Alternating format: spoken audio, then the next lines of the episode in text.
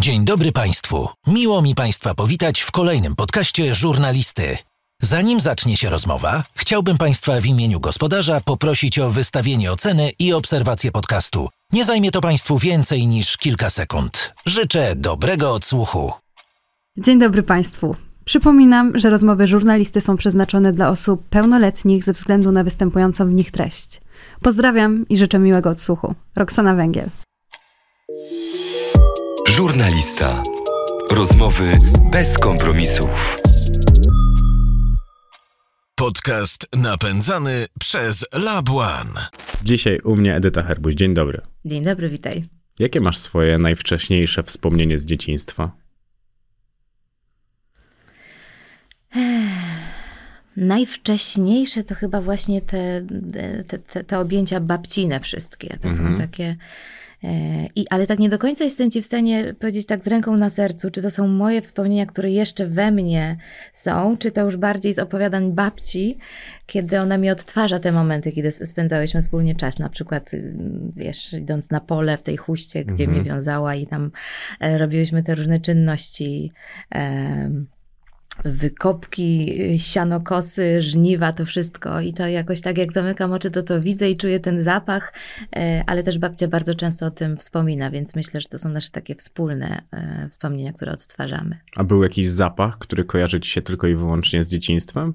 Wiesz co, właśnie to, to siano, takie, takie Mhm. mokre, mm, z rosą mi się to kojarzy, bo poranki bardzo lubiłam, ale też świeżo, świeżo pieczony chleb w takim e, wielkim piecu w piwnicy. Mhm. Uwielbiałam to robić, uwielbiałam piec to z babcią i, i ten zapach, który się unosił na całe podwórze, to był jakiś kosmos. Zawsze mi się, kiedy czuję zapach świeżego chleba, świeżo pieczonego, to wracam tam do tego domu z cegły czerwonej. Ale też ten chleb się chyba tak mocno zmienił jak czasy, w których żyjemy. Zmienił się on, on był wyjątkowy i, i wiesz, jeszcze takie wiejskie masło do tego, które się roztapiało na Mhm. tym jeszcze świeżym chlebie, to po prostu aż mi ślinka leci, jak przypominam sobie. On był wielki, kwadratowy, taki bochen, często popękany u góry, no i tak się rwało z radością, e, żeby skosztować, no. Masz dużo wspomnień?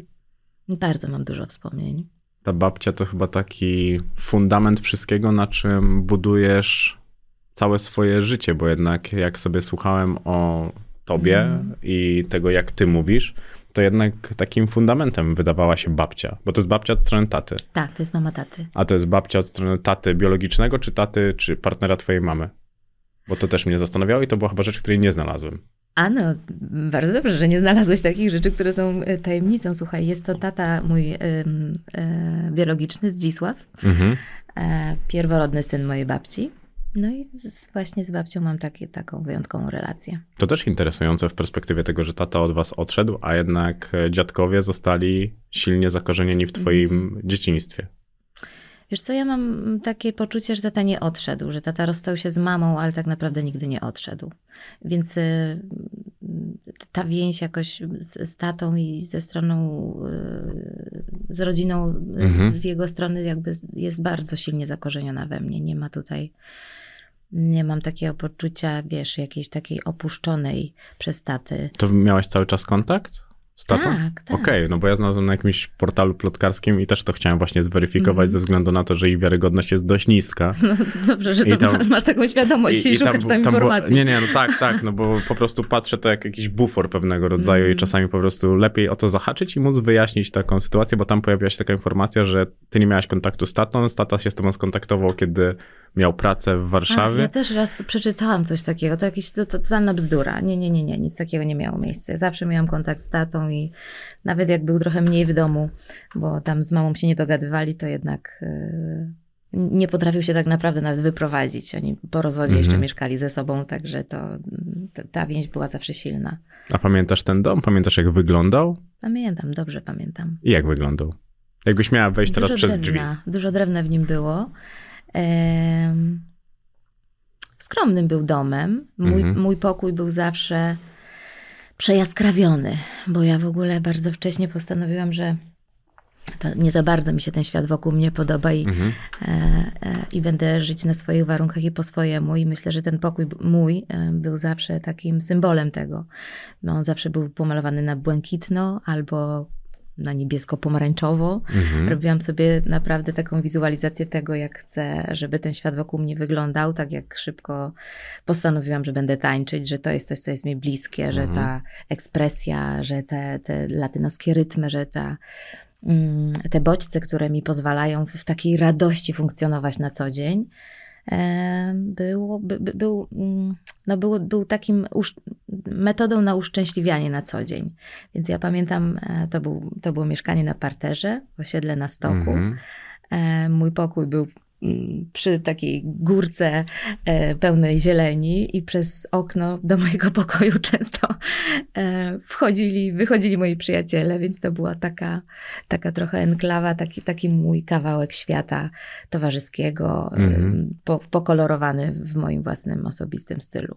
A jak w tym wszystkim odnajdował się twój brat, który jest o półtora roku starszy od Mhm. e, ciebie? Byliście obok siebie gdzieś podobni? Ocieraliście się o te same rzeczywistości? Czy raczej ty miałaś swoją grupę znajomych i on miał kompletnie innych znajomych? Tak, ostatnio o tym rozmawialiśmy. Rzeczywiście, że każdy z nas trochę swój taki świat sobie stworzył. On był em, sportowcem, grał w piłkę ręczną, Mhm. a i dla mnie ten świat tańca był tak, y, wiesz, intrygujący i hipnotyzujący, że ja, ja w niego wsiągłam i wszystko, całe moje życie było wokół tego, więc to, to nie było mu bliskie. Mhm. E, Był innym typem. Poza tym on jest bardzo introwertyczny i, i ja nie za bardzo miałam z nim nie, nie za bardzo wiedziałam w ogóle, co on e, o mnie sądzi. Ja bardziej czułam się jedynaczką i, i szukałam takich bliskich relacji właśnie w tej szkole tańca. Tam, Mhm. tam, tam, tam, tam jakby taka druga rodzina powstała, e, moja. A jeżeli chodzi o szkołę, jakich ludzi do obok siebie miałaś? Jakich ludzi przyciągałaś? Mm. Ja w ogóle dużo ludzi zawsze przyciągałam, zawsze miałam dużo ludzi wokół Mhm. siebie. Byłam, byłam taka, taką żywotną bardzo dziewczyną, no ale y, chyba wię, większość y, takich y, cie- ciekawych osobowości, takich barwnych ptaków było, było w mojej paczce zawsze. Mhm. No. Y, Dziewczyny, przyjaciółki z, z Kielc, mieliśmy taką bandę, nazywane byliśmy Bella Mafią i rzeczywiście to była taka, to taki rodzaj y, osobowości, y, który lubi cieszyć się życiem. I tak, tacy ludzie byli mi zawsze bliscy, kreatywne umysły. Zresztą znowu wrócę, wrócę do szkoły tańca, bo myśmy Mhm. tam mieli taką przestrzeń nie tylko na naukę i na rozwój y, i na pasję, ale mm, mieliśmy ciekawych trenerów. Robert Kupisz, Gosia Nita. Co ciekawe, Mhm. dzisiaj Robert Kupisz jest znany z zupełnie innych rzeczy, ale on był bardzo kreatywny zawsze i nas stymulował. Więc myśmy mieli, wiesz, oprócz treningów wyjazdy, obozy, tam się odbywały quizy. Mhm. Y, On nas stymulował intelektualnie. y, Ta kreatywność była cały czas na- bardzo takim rozbuchanym poziomie i ja czuję, że, że w tej enklawie takiej, takiego... mm, ta- taki, takiego, wiesz, artystycznego funkcjonowania na co dzień. Właśnie tam, tam się czułam najlepiej, tam się czułam najbardziej swobodnie i, i tak czu, tak jak sobie dzisiaj je zamykam oczy i na to patrzę, to tam był taki rozkwit osobowości właśnie. To te obozy, na które jeździłaś zbierać truskawki, żeby na nie no zarobić? właśnie, trzeba było kasę mieć na nie jeszcze, a tam, Mhm. a tam bida panie była, więc trzeba było trochę po swojemu kombinować. No bardzo mi zależało, żeby zawsze być na, na wszystkich, ale ja też miałam duże wsparcie później od trenerów, bo byłam takim dzieckiem, e, które się wyróżniało nie tylko, wiesz, talentem, ale dużą pracowitością i e, i, I w momencie, kiedy się okazało, że tak finansowo trochę kiepsko, Mhm. to, to dostałam możliwość po prostu zarabiania też, też kasy w tej szkole. Mogłam prowadzić zajęcia, wiesz, z dzieciakami Tak, tak. młodszymi, później z młodzieżą, później ze studentami, potem Skończyło się chyba na ślubach. śluby, te wszystkie pary, tak, tak. No a później, wiesz, taniec z gwiazdami. Ciągle uczyłam kogoś tego tańca, no ale dobrze mi to na zdrowie wyszło, mam wrażenie. A to w domu była taka prawdziwa bieda? Nie, po prostu było skromnie. No, wybrałam sobie taki zawód, który po prostu e, wymagał dużej inwestycji od samego Mhm. początku i ponieważ miałam bardzo duże ambicje, chciałam być najpierw przede wszystkim mieć tą międzynarodową najwyższą klasę, a później Mhm. po prostu chciałam być najlepsza i koniec. I, i jakby nie, cały czas byłam nienasycona i nie, nie starczało mi to, co osiągałam po drodze, tylko cały czas chciałam więcej. A to się wiązało właśnie z e, podążaniem za najlepszymi trenerami, z wyjazdami, z, wiesz, no zawsze trzeba było się jak najlepiej zaprezentować na parkiecie.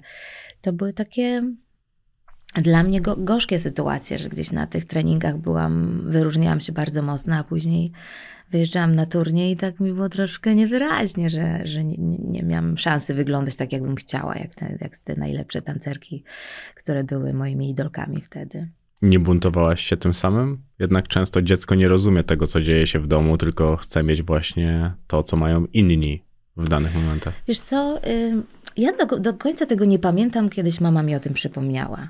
Że, że rzeczywiście pot- potrafiłam jej dać popalić, ale ja, ja bardziej pamiętam siebie taką, która wiesz, że nie buntowałam, tylko zapieprzałam, żeby było więcej, żeby jeszcze zdobyć więcej, żeby znaleźć sposób Mhm. na to. E, Ale, ale ten bunt, no, pewnie był, no bo, no bo to, kurde, no, No musiał być. być. Fair, no. No Tak. pod koniec podstawówki paliłaś pierwszego papierosa, więc jednak gdzieś Tak tam... mówisz?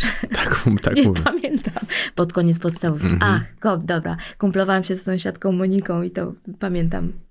Pamiętam, w którym pokoju u niej w domu to się wydarzyło. A słuchałaś jakiejś muzyki konkretnej? Poza taką, którą można, do której Tak. można tańczyć? Tak, ja pamiętam całe kasety ponagrywane, składanki takiego polskiego rocka, takie wiesz, sentymentalne cholernie. Więc z tamtych czasów to była taka muzyka, która mnie kręciła. Ale też pamiętam bardzo, od razu mam taką nutę przed, y, w głowie, jak, jak mnie o to pytasz, Madonnę, która, przy której to piosence pierwsze się całowałam. Mm. Ile miałaś lat? Słuchaj, to był Sylwester. Ile ja miałam lat? No, tak miałam z 13? Tutaj chwila przerwy. Jeżeli słuchasz teraz tego podcastu, pamiętaj, by wcisnąć przycisk obserwuj bądź subskrybuj. W zależności od tego, na jakiej platformie słuchasz tego podcastu. Będę bardzo, bardzo wdzięczny. Miłego odsłuchu. Mm, to późno. Późno, nuda. A ty Mhm. ile miałeś? Oj. Idźmy dalej. A, dawaj, no powiedz, powiedz. nie, nie można się tak szybko kompromitować. No, a słuchaj, no wiesz co, nie zadajesz takiego Nie, pytania. spokojnie, dawaj, ile dojdziemy do pierwszego seksu. Wtedy będzie kompromitujące. To wtedy ja ci nie powiem, ty jesteś taki. Ja miałem z 8-9 lat, więc u mnie ja zacząłem dość szybko. Okej. No, więc e, Ale zaraz. przyjemnie, przyjemnie wspominasz? Tak, przyjemnie to wspominam. Ja też, super było. No dobrze, to kiedy, jak miałeś ile pierwszy seks uprawiałaś? Teraz już A, zostałaś... Jeszcze nie, jeszcze nie wiem, czy jesteśmy aż tak zakomu- zakolegowani Nie, no już, jest, już jesteśmy ewidentnie. Jak będziesz wyglądała w perspektywie, że mnie podpuściłaś i nie odpowiedziałaś na moje pytanie, skoro powiedziałeś, że jak odpowiem, to ty odpowiesz. Hej, nie, wiesz co, nie przywiązuję już za dużej wagi do tego, jak ja będę wyglądała. Po prostu jestem sobą. Idziemy dalej z tą rozmową. Zobaczymy. Może przyjdzie taki etap, że się przyznam. Powiedziałaś, że taniec to też było bardzo dużo wyrzeczeń. Jakich wyrzeczeń? Co straciłaś w perspektywie dzieciństwa na rzecz tańca?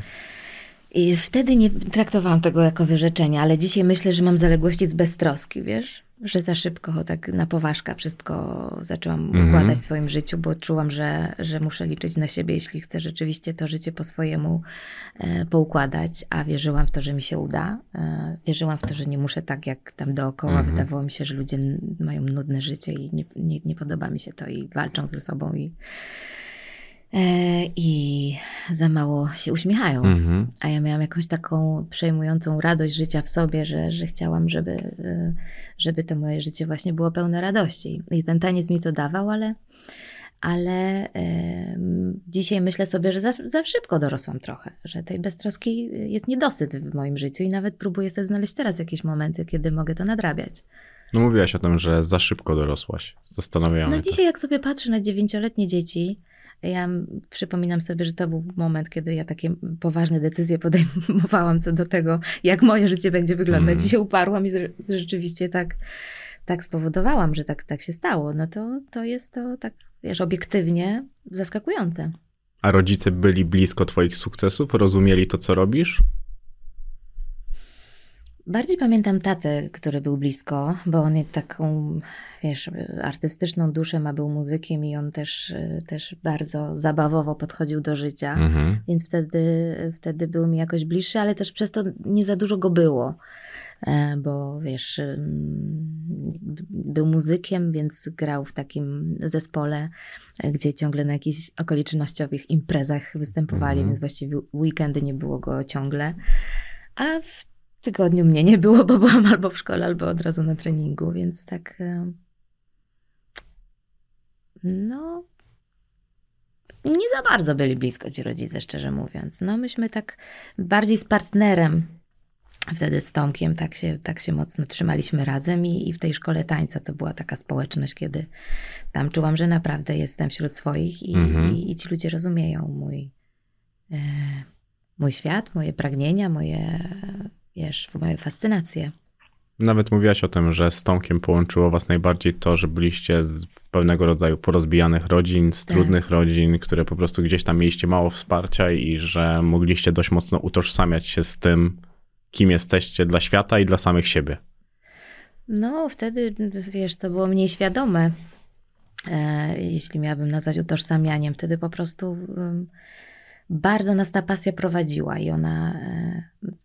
Tomkiem czasem rozmawialiśmy o tym, że jemu to chyba uratowało nawet życie, e, bo, bo, bo różne miał momenty I, i, i ten taniec go tak zawsze jakby na właściwą drogę Mhm. razem z Robertem Kupiszem, który wtedy, pamiętam, tak mocno trzymał e, jakby parasol nad nim ochronny. E, Ale wszyscy zresztą to robiliśmy, bo, był, bo, bo, bo potrzebował takiego wsparcia. Więc tak, ta, ta, ten taniec Mhm. był dla nas takim bardzo łączącym nas mm, aspektem. Mhm. A kiedy pierwszy raz usłyszałaś, że masz talent? Na pierwszych zajęciach. To szybko. Dosyć, no, ale wtedy no właśnie miałam 9 lat i totalnie w to wskoczyłam i, i wtedy usłyszałam od trenerki, że super, tylko że muszę przyjść z mamą, bo powiedziałam jutro, dzisiaj zostaje, tańczymy. I wtedy, wtedy właściwie nie wiem, czy usłyszałam, pamiętam reakcję w jej oczach. Mhm. Pytała mnie właśnie, gdzie, gdzie uczyłam się tańca do tych, dotychczas. A ja powiedziałam, że nigdzie, że to są moje pierwsze zajęcia, no. To jest bardzo To interesujące. jest ciekawe, ale tak naprawdę największ, największą, wiesz, taką radochą frajdą to był pierwszy turniej. Jak zobaczyłam w ogóle, jak te ludzie są szczęśliwi, że ja tańczę, to było dla mnie wtedy wow. Tak, że to może się tak jakoś, e, wiesz, rozprzestrzeniać, to co ja mam tam gdzieś w środku. Mhm. A pierwszy turniej był dużo później niż pierwszy trening? Nie, nie, nie, nie, bo to, był, to była fajna strategia właśnie naszych, y, naszych trenerów. Oni tak bardzo świadomie konfrontowali nas z takimi bodźcami, które nas mogły jeszcze stymulować mocniej. I ten pierwszy turniej był w Wojewódzkim Domu Kultury w Kielcach y, na sali lustrzanej, y, w sali lustrzanej i tam pamiętam, myśmy, ja ze swoim partnerem zajęłam czwarte miejsce, ale zostałam Miss i Mister turnieju e, właśnie za jakąś taką, za jakiś taki totalny wdzięk i radość z tego tańczenia. Mhm. A do dziadków to była pewnego rodzaju ucieczka? Dlaczego tak, tak ważni są dla twojego życia? To też mnie zastanawiało. Jak to się stało, że wykreowali sobie tak dużą przestrzeń w twoim życiu? Hmm. Mogła być, tak. Wiesz co, tam mnie jest zawsze jakoś tak em, blisko do natury i ona mnie Mhm. tak bardzo koi. Więc ta babcia, która, która, która ma ta, tak, właściwie taką samą naturę jak ja, to była taka kobieta, w której ja się, wiesz, przeglądałam. Moja mama jest dosyć taką e, innym typem kobiety, po prostu Mhm. jest chłodniejsza. I była tak bardziej skoncentrowana też na, wiesz, na, na domu, na różnych Mhm. takich podstawowych czynnościach matki, żeby tam z- związywać ko- końce ze sobą. A babcia z- z takim sercem na dłoni, z tymi żywymi emocjami była mi po prostu bliska. To była jakaś taka naturalna więź, która która wynikała z naszych podobieństw po prostu. Natu- na, nasza natura była podobna i tyle. Mhm. Czyli ty byłaś bardziej podobna mimo wszystko do strony taty, a twój brat, Rafał, tak? Do, tak. do, do mamy. Tak. W perspektywie tego, że też powiedziałeś, że był introwertyczny. Mhm. A mama była chłodna czy chłodniejsza? Ech, Mama się bardzo starała, no ale dla mnie, dla mnie to było. em, Bo mogła To gacić taki temperament. mogła gasić. No. Ja bardzo długo zabiegałam, wiesz, o, te, o, o, jej, o jej większą uwagę i jakieś takie większe okazywanie, ale później zdałam sobie sprawę, że po prostu ma inną naturę. To chyba trudne dla dziecka. No bo nie dochodzi do ciebie Mm. tak łatwo, że mama ma inną naturę, więc mama mnie Tak. nie pochwali na przykład za to, że wygrałem coś. No tak, no pewnie, no to, to ta mama to chcesz, chcesz, wiesz, żeby była z ciebie dumna, chcesz te, te rzeczy od niej słyszeć, chcesz przeglądać się w jej Mhm. oczach i ona była zajęta zazwyczaj innymi rzeczami, no. A czym zajmowała się twoja mama? Zawodowo? Mm, Różnymi rzeczami, tylko że ona była bardziej tak emocjonalnie po prostu nie, nie, nieobecna, może tak. Mhm. To, to, było, to było chyba ważniejsze niż to, gdzie pracowała i wiesz. Bo ona, ona by, przez długi czas była w domu, jak myśmy Mhm. byli mali, że, że ona jakby w jakimś sensie poświęciła się wychowaniu dzieci i była w domu i była przy nas, ale mimo wszystko jakiś taki rodzaj jej, jej, jej nieobecności był, był, był dla mnie wyzwaniem. To jest jeszcze bardziej interesujące w odniesieniu do tego, że szkoła tańca to duże szczęście, no ale zostaje pewnego rodzaju luka, no bo jednak później zamykają się drzwi od środka. Jaka byłaś, kiedy zostawałaś już sama?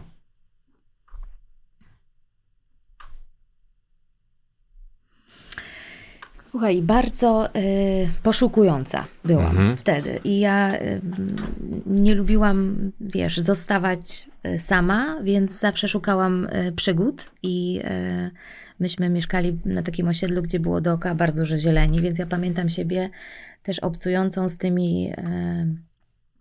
Tą naturą. Ja łaziłam po tych górach, po tych, y, wiesz, łąkach, zbierałam konwalie, y, po lesie lubiłam i mam wrażenie, że, że to już znalazłam sobie wtedy jakiś taki rodzaj ucieczki do takiego swojego wewnętrznego świata, czyli takiej, takiej medytacji. Mhm. I to było tak jakieś kojące, ale też bardzo mocno angażowałam się, wiesz, w przyjaźnie. W przyjaźnie z y, takimi z siostrami z wyboru, wiesz, bo, bo zawsze ta przyjaciółka dla mnie to była taka, e, taka szalenie ważna. Mhm. A miłość? Byłaś kochliwa? Słuchaj, nie wiem, jakby to nazwać. Jak Ja się zakochałam, to na amen. Na, na 12 lat. Więc nie byłam kochliwa, byłam cholernie zakochana, jak wariatka, no. A kiedy to nastąpiło? To No. zakochanie w Tomku? Tak, przy No, ale- pierwszym spotkaniu. Czy ile miałeś wtedy lat? No właśnie, aż głupio powiedzieć. Ja nie wiem, czy nie powinnam do tego przyznawać, bo to jest y, podejrzana sprawa. No dobrze, ile miałeś lat? Teraz już mnie zaciekawiłaś. Między 9 a 10, jak się pojawił w szkole tańca. Pamiętam pierwszy moment, jak go zobaczyłam. To jest, to jest nie do wiary. Ja pamiętam ten moment. Pamiętam podłogę, jak się błyszczy, jak on wchodzi. Ten wódek. Tam, gdzie pierwszy turniej. I wtedy to pomyślałaś sobie, że to może być twój chłopak? Kompletnie nie pamiętam, co ja wtedy pomyślałam. Pamiętam po prostu jakieś totalnie obezwładniające uczucie. Że ci brakuje, wiesz, a, że ci zabiera, zapiera dech w piersiach Mhm. lub zabiera ci oddech na chwilę. Byłaś osobą pewną siebie? W ogóle nie. O Jezu, to jest moje jedno z największych wyzwań w życiu. A najciekawsze jest to, że nikt mi w ogóle nie chce w to uwierzyć. Że jakoś tak em, chyba potrafiłam to schować głęboko w sercu, no, że, że taka jakaś niepewność mi towarzyszy. Kiedyś próbowałaś zrozumieć dlaczego? Jednak Wiele jesteś razy. piękną, atrakcyjną kobietą, która wtedy, w tamtym okresie też nieźle uczyła się w szkole. Tak. E, Słuchaj, no zrozumiałam nawet na różnych poziomach, jak to tam Mhm. e, się poukładało i dlaczego. Dużo czasu zresztą mm, poświęciłam. Nie no, dużo czasu zaangażowałam się w pewnym momencie Mhm. w taki rozwój osobisty po to, żeby parę zagadek rozwikłać w samej sobie i mi to bardzo pomogło. Żeby tak się osadzić i zaakceptować to, co jest. I wiesz, pewne rzeczy jesteś w stanie sobie przepracować, a pewne rzeczy najlepsze, co możesz z nimi zrobić, to zaakceptować po prostu. Nawet może ukochać, tak. I myślę, że ta niepewność jest we mnie do dziś, tylko lepiej sobie z nią radzę. Mam więcej bardzo, odwagi. ba, bardzo piękna odpowiedź dookoła. No to co było powodem tego, że byłaś wtedy niepewna, a miałaś wszystkie atrybuty do tego, żeby błyszczeć, żeby być gwiazdą? Świetnie się uczyłaś. Miał, powiedziano ci, że masz talent. Pierwsze zawody, czwarte miejsce. Wszystko gra dookoła. Jeżeli chodzi, cały czas zamykamy to w tańcu. No i myślisz, że na tym się opiera poczucie wartości? Na Jasne, że nie. Dlatego podpuszczam cię, bo, bo chcę usłyszeć to, to No co się działo. Już ciekawa byłam, co powiesz dalej, co takiego jeszcze em, Nie, nie, no słuchaj, m, tyle należałoby komplementów. odhaczyć, żeby ci się nie zgadzało, że pewność siebie jest nie, nie do końca tutaj stabilna. Po prostu pewność siebie nie buduje się, dziecko nie buduje pewności siebie na sukcesach, powiedzmy to w sporcie. No w ogóle na zewnętrznych No. jakichś e, wydarzeniach, no, tylko gdzieś tam może jest to jakiś rodzaj poczucia bezpieczeństwa, znaczy różnego rodzaju poczucie bezpieczeństwa, które się składa na, na, to, na to poczucie wartości. Mhm. A dobrze znosiłaś to, kiedy rodzice się rozwiedli. Tata wiem, że jeszcze później faktycznie mieszkał, ale kiedy się już wyprowadził, ty dobrze znosiłaś takie tarcia między nimi? Bardzo niedobrze to znosiłam. I co to bardzo znaczy miałam w dużo w sobie złości i No gniewu właśnie. na tą sytuację. Bardzo miałam dużo niezgody. Bardzo, bardzo wewnętrznie krzyczałam, a później już nie tylko wewnętrznie na to, w jakiej formie odbywają się rozmowy w tym domu i jak wyglądają relacje. Bardzo to było nie... To bardzo to było dla mnie bolesne. A to miałeś wtedy ile mniej więcej lat?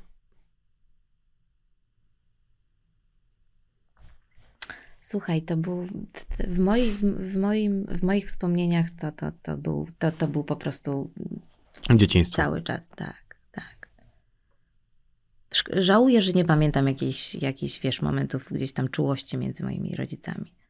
Żałuję, chciałabym mieć takie jakieś wspomnienie, kiedy puf, pamiętam ich takich. A rozmawiałaś kiedyś z tatą bądź mamą, dlaczego się na przykład w sobie zakochali? Tak.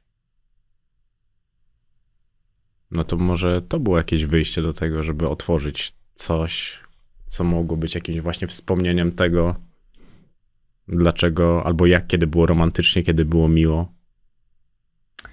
No bo jednak jako dziecko zapamiętujemy częściej traumy.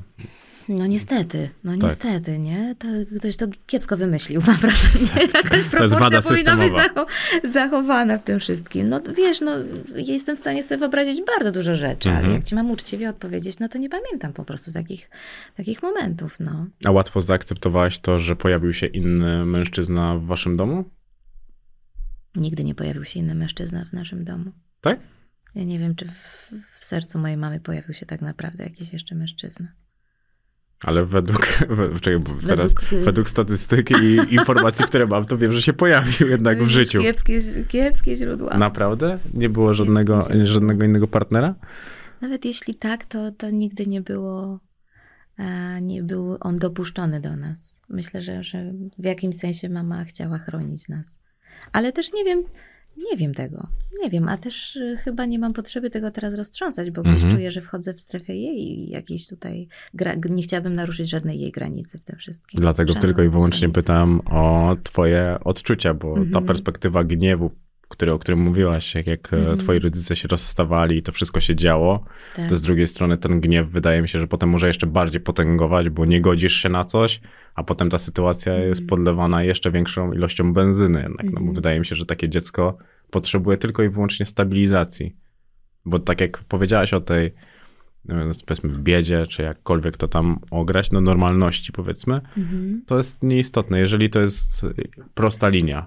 Najgorsze są po prostu spadki i nagłe wzrosty. Że wydaje mi się, że dziecko oczekuje tylko i wyłącznie tego, żeby było jednostajnie i spokojnie, że wiesz, czego możesz się spodziewać w domu. Nie jestem pewna. Nie jestem pewna. To wiesz co, to są takie. To są takie rozmowy o tym, że rodzice na przykład, mimo że przestają się kochać, to nie rozstają się ze względu na dzieci. No nie, nie, no tak, to tego, o, tym, o tym w ten sposób nie myślałem po prostu, tylko myślałem że jakby o... O, o stabilnym poczuciu Znaczy, bezpieczeństwa, że nie chciałbym- tak? Tak, tak, to jest tak, to, tak. gdzie jest, y, że nie musisz się nad niczym zastanawiać, tylko to wszystko Tak, jest że nie przychodzisz i nie myślisz, czy rodzice się kłócą, czy nie. Mhm. Czy będę miała dzisiaj przez to słaby humor, dobry humor, tylko po prostu przychodzisz do domu, bo to jest dom. Mhm. To jest tak, jak my dzisiaj rozmawiamy i nie rozmawiamy przecież o wszystkim. Mhm. To tak samo dziecko też nie wie o wszystkim, co się dzieje między rodzicami. No tak, ale albo jest energia taka sprzyjająca, miękka, ciepła i bezpieczna, albo jej nie ma. No, Dokładnie. I dużo razy czułaś tą przyjazną, miłą, ciepłą. no nie, za, za mało. A uważasz, że to cię zahartowało w jakimś stopniu? Rzeczy mnie za... Tak, tak. Ja dzisiaj myślę, że nie ma takiej sytuacji, w której nie umiem siebie odnaleźć. Nie umiem się odnaleźć, nie umiem sobie z tym poradzić. Wydaje mi się, że dosyć e, spore wyzwania miałam od początku życia. Mhm. e, z którymi sobie potrafiłam radzić i nawet miałam w sobie taką zawziętość, że sobie poradzę ze wszystkim. A jak zareagowałaś na to, że pojawił się jeszcze 11 lat młodszy brat w moim wieku? No, no więc e, Młody, no. no. Jak, Michaś, ciągle na niego mówię Michaś, chociaż jest po prostu wielkim chłopem. jak zareagowałaś na to? Bo jednak to duża różnica wieku. Tak, nie pamiętam za bardzo tego momentu. Nie pamiętam. Wiem o tym, że dzisiaj mam super relacje z nim. Mhm. Jest, jest dla mnie bardzo ważny i wiem, że ja dla niego też. Bardzo o siebie dbamy wzajemnie. Mam tak, y, a po- a ponieważ on jest y, bardziej wylewny niż mój Mhm. starszy brat, to wiem, co czuję i, i fajnie ta relacja dzisiaj, y, jakby ta komunikacja prze, przebiega między nami. A wtedy nie pamiętam. Ja wtedy byłam już chyba trochę odcięta. Ja już bardziej byłam w tym swoim świecie na zewnątrz, w świe- świecie tańca. Ale ten świat się trochę znowu zmienił. No bo jakby nie było, no masz tam powiedzmy 11-12 lat, do tego jest malutki brat, Mhm. to wiesz, małe dziecko wywraca wszystko do góry nogami. Więc to, to było też dla mnie e, interesujące. A skąd ten wybór liceum poligraficznego? Technikum, przepraszam. Słuchaj, nie pytaj mnie. To dzisiaj, to był jakiś totalny przypadek. To był jakiś totalny przypadek. Miało to związek z tym, że w szkole mm, moja nauczycielka języka polskiego, która, która której ja byłam bliska i, i która mnie bardzo lubiła i lubiłyśmy się wzajemnie. Uczyła też w tamtej szkole i, i to było jakoś tak, że mnie namówiła, że jeszcze chciała, żebyśmy dalej poszły jakoś razem. Mhm. I to chyba jedyny, jedyny powód, który przychodzi mi do głowy, to jest właśnie ten. Poza tym, poza tym abstrakcja. Bo to myślałem, że też znalazłem na kozaczku. Mówię, że to Nie. niemożliwe, że to się wydarzyło No naprawdę. właśnie, prawda? To jest, to jest w ogóle, to jest abstrakcyjne totalnie. Jeszcze czteroletnie technikum. No w ogóle, no, no thanks. Stracony czas. A jest coś, co pamiętasz z tej szkoły? Mm, e, moje oczekiwania, aż będę mogła wyjść i wrócić na trening. A dalej byłaś e, dobrą uczennicą? Mnie już zaangażowaną w szkołę. Nie, to już był zupełnie inny et- etap. Ja już byłam bardzo sfokusowana na taniec i na to, co, co jest dla mnie ważne. I, i wtedy to był, to był właśnie rozwój taneczny i rozwój moich umiejętności był najważniejszy. A myślałaś, albo myślałaś może inaczej, miałaś taki moment buntu, że nie wiem, nie chciało ci się, nagle przestałaś trochę trenować. To się często zdarza w No. tamtym wieku. To znaczy trenować? Nie. Mhm. Nie, miałam moment buntu i mi się wiele rzeczy nie chciało. E, Ale e, nie, nie, nigdy nie miałam takiego momentu, że mi się nie chce trenować. Ale chodziłaś na imprezy. Dużo ta- tancerzy lu- lubili się bawić. Tak. Ten przykład z bliski tobie też jest e, całkiem niezłym przykładem. No, sporo razem spędziliśmy czasu na, na, na imprezowaniu też. Ale ja już byłam wtedy w innej roli. Jaka to rola? No niestety to jest rola, wiesz, takie, takie, takie matkowania takiego już. Ale to też może popchnęło cię do tej dojrzałości, o której mówiłaś. No może, Bo wiesz, trochę no cały staram czas- się postrzegać to wszystko jako jakąś moją indywidualną drogę, jakiś sens, jakiś, no dużo sensu w tym widzę i właśnie tak jak mówisz o tym zahartowaniu mojego mojego charakteru, no to ba- bardzo dużo tych sytuacji miałam, które mnie umacniały rzeczywiście i to, to Tomek o to dbał. Proszę? Tomasz o to dbał. No, jak jasna cholera. I, i, I tak, wiesz, w, zderzeniu z moją jakąś taką olbrzymią wrażliwością, empatią, którą miałam w sobie, no to to była taka popieprzona mieszanka, naprawdę. Ja musiałam, ja strasznie dużo zawsze czułam, wiesz, i to tak nie zawsze swoje. I, i musiałam jakoś się nauczyć tego, jak z tym funkcjonować, bo to było, to było z jednej strony fajne, ale z drugiej uciążliwe, jak cholera jasna. A myślałaś kiedyś o tym, że zabłądziłaś, że pogubiłaś się trochę? Tak. I kiedy to było? Mm, No ma to związek właśnie z tą relacją toksyczną, w Mhm. której byłam, w której tkwiłam bardzo długo, przekraczając też swoje granice hardkorowo. No bo jeśli pozwalasz, że ktoś hardkorowo przekracza twoje granice, to tak naprawdę sama je przekraczasz, nie? Więc to był ten czas, kiedy kiedy, y, wiesz, moja romantyczna natura strasznie wzięła sobie do serca, że, że w życiu to jest tylko taka jedna miłość, że raz tylko można kochać tak naprawdę. No i że to trzeba zrobić wszystko, żeby to się udało. I, no i ten bullshit po- po- powodował, że wiesz, że, że we właściwym momencie nie powiedziałam wypieprzaj. Ale dałaś, dawałaś się upokarzać? Tak jak patrzysz na to dzisiaj. No jest to wpisane w toksyczną relację, tak. Ale inaczej to brzmi, kiedy musisz to powiedzieć, a inaczej Tak, brzmi. trudno mi jest to powiedzieć, no. Tak, jest to trudne.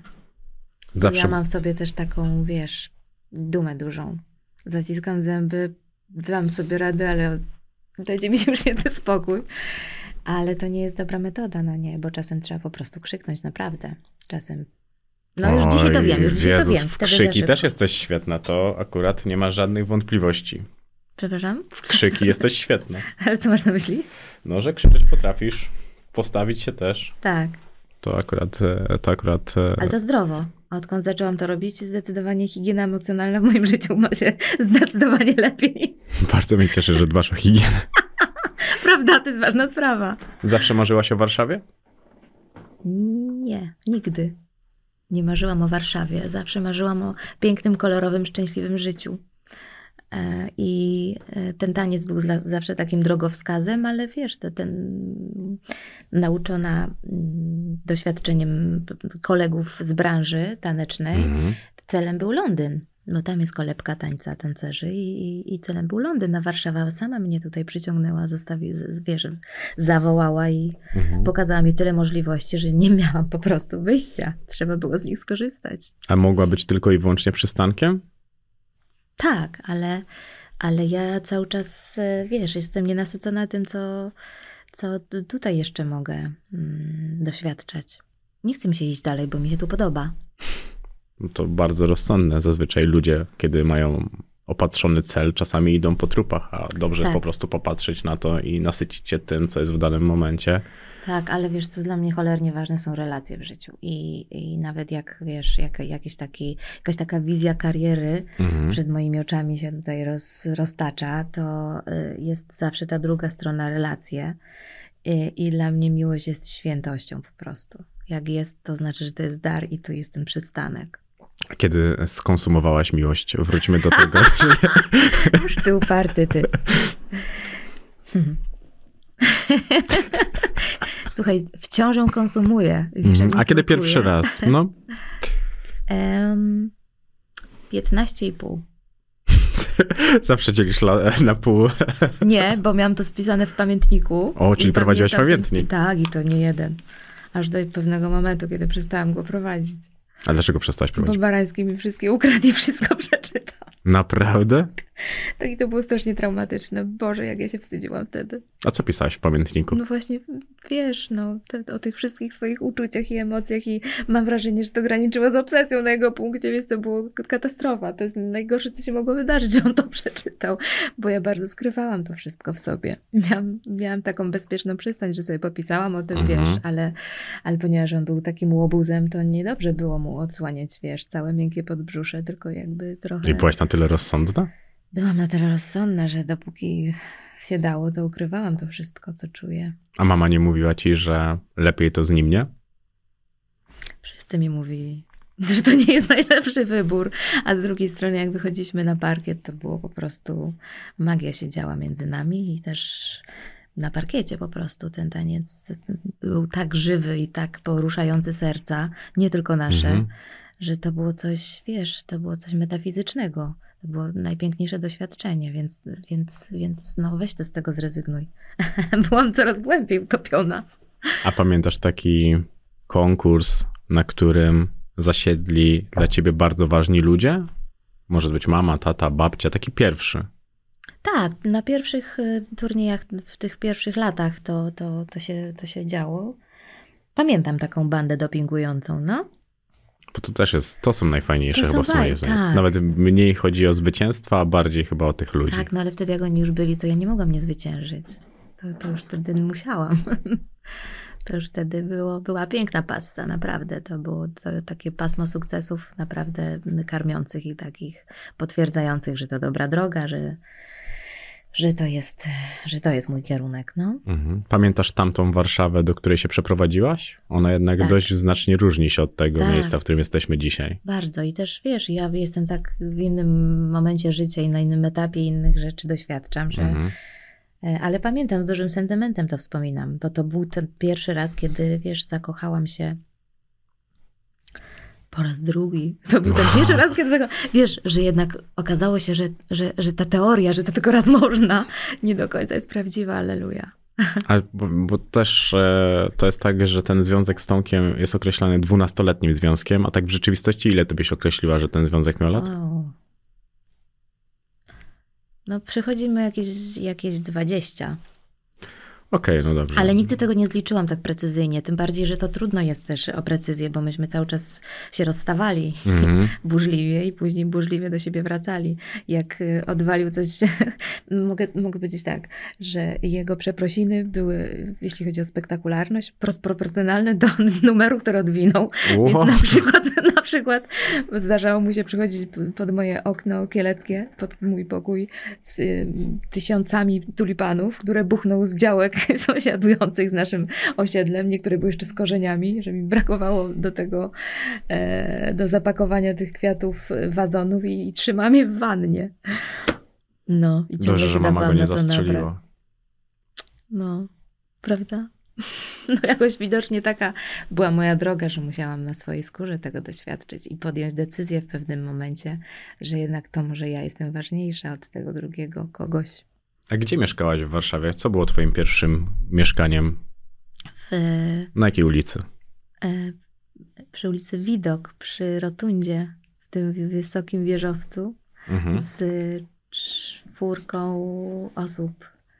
E, z dwoma dziewczynami, dwoma chłopakami. To było pierwsze Mhm. mieszkanie, a później bardzo szybko się to e, zmieniało, bo mm, później e, na, podczas kręcenia mojej pierwszej reklamy, mm, po tygodniu pobytu tutaj w Warszawie, spotkałam tam grupę artystyczno-taneczną, która z Poznania właśnie się przenosiła do Warszawy i zaproponowali mi współpracę i wtedy wynajęliśmy już wspólne mieszkanie. E, każdy miał swój pokój, wiesz, razem pracowaliśmy, Mhm. razem gotowaliśmy. To była też fajna przygoda, taka kolonia. To już czasy Dawida? Te, te pierwsze, to pierwsze mieszkanie to czasy Dawida, a Mm. później już bardziej w komunie tanecznej. E, On był w moim życiu, ale już inaczej funkcjonowaliśmy, no. Bo to- to, są też bardzo ciekawe czasy w twoim życiu. Wydaje mi się, że takie... Ja myślałem, że jak powiesz mi, że zabłądziłaś, to że te początki Warszawy mogły być czymś takim. Nie, Nie? wcale tam nie zabłądziłam. Wiesz co, ym, to, to było trudne w doświadczeniu na pewnym etapie, bo ja za swoją, wiesz, y, gdzieś tam spontaniczność, taką żywotność i naiwność y, zapłaciłam właśnie takim, taką gorzką lekcją. gorzką lekcją życia. E, I to było później takie, wiesz, to było smutne, mm, Mhm. bo, bo jakby nie mieściło się to wcześniej w moich kategoriach. Ja, ja, ja jakby doświadczając tego, że ktoś jakieś takie intymne sprawy może użyć do tego, żeby sobie czym, coś na tym zyskać, po prostu nie, nie mieściło się to w moich kategoriach wtedy. To, to, to było, jest kilka takich momentów zwrotnych w moim życiu, że rozumiałam, dlaczego ta lekcja musiała przyjść. I wiesz, no im bardziej było to bolesne, tym więcej z tego się nauczyłam.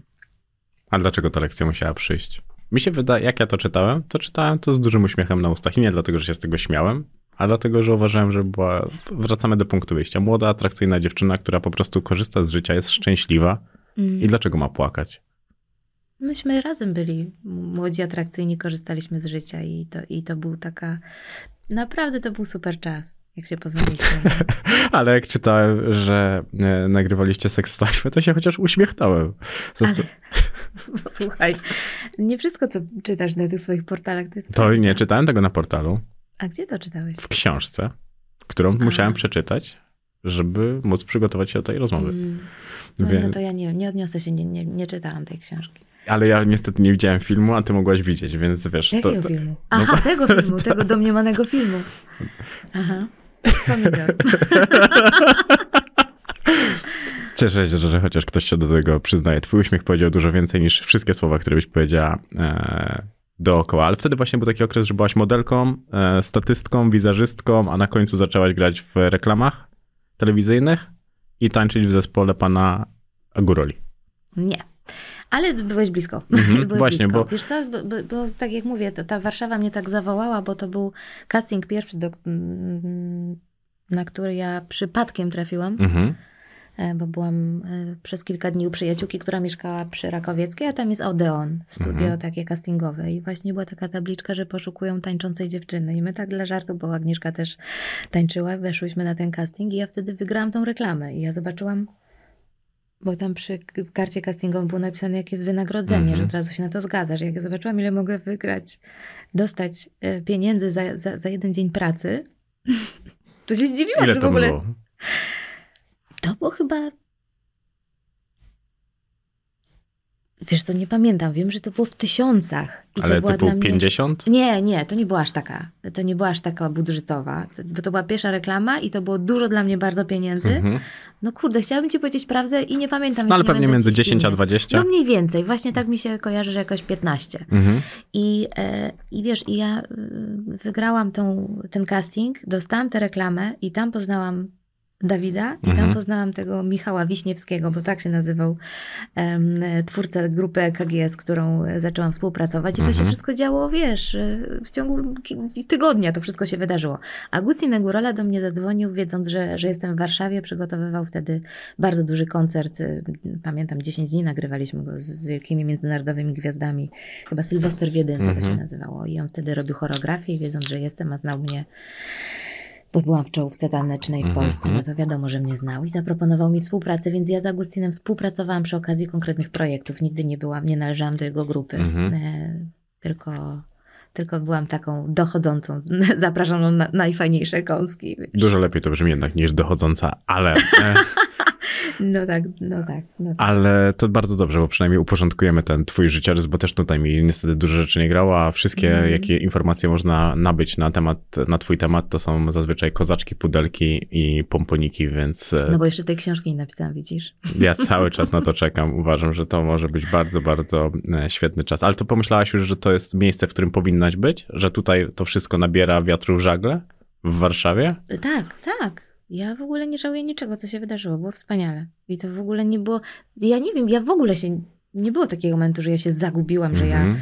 zrobiłam coś, co- że sobie dzisiaj myślę, jest jakaś siara, że co, jak gdzie ja miałam rozum czy coś. Jedyne co to w pewnym momencie chyba takie zaszczucie przez media spowodowało, że ja się bardzo schowałam. No to wtedy można mówić o jakimś zagubieniu, bo to się wymknęło, wymsknęło spod kontroli zupełnie. Mhm. Tam już powstawały takie po prostu mity na mój temat, że, że ja jakoś nie miałam wtedy odwagi, sił albo mm, nie, nie umiałam sobie za bardzo z tym poradzić, jak, jak, to, jak, jak stawić temu i Mhm. Dlatego, dlatego postanowiłam za- zatrudnić agentkę.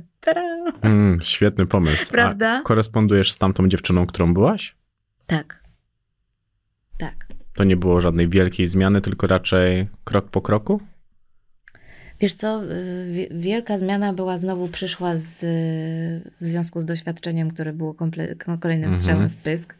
Takim na o- otrzeźwienie, że już tej naiwności mówimy dość. I wtedy, wiesz, ja... No, ciekawe jest to, że wspomniałeś o Oli Kwaśniewskiej przed, Mhm. y, przed ym, rozpoczęciem naszej rozmowy, bo wtedy to był taki moment, kiedy obie dostałyśmy popalić, bo to była ta sama agentka i i każda z nas inaczej na to zareagowała. Ola się trochę wycofała, a ja się Mhm. wkurzyłam i powiedziałam: koniec tego, teraz będzie prawda na mój temat albo nic. I to mi dało naprawdę dużego kopa. Ale prawda nie jest tak oczywista, szczególnie w tym, w tym, na tym rynku. I szczególnie, że wtedy portale plotkarskie trochę raczkowały, bo to był. Znaczy, tak, dokładnie. One wtedy, wtedy One nie były jeszcze tak rozwi- rozwijały się na, Tak, na naszym. Na naszym no kiedy ty byłaś w swoim pierwszym tańcu z Odwyku. gwiazdami, ale to był drugi Tak. taniec z gwiazdami, no to, to wtedy był właśnie pik. dokładnie i abstrakcyjność wpisów też była dość wysoka. No. Więc to, to, to, to, to tak, jest- ja też czułam się użyta do, do, do kreowania e, te, tej rzeczywistości nowej, portalowej. Tak. Mhm. A jak patrzysz na to i patrzysz, no dzisiaj, widzisz jak dzisiaj wyglądają media plotkarskie, Mhm. to się zmieniło o 180 stopni, to wygląda zupełnie inaczej?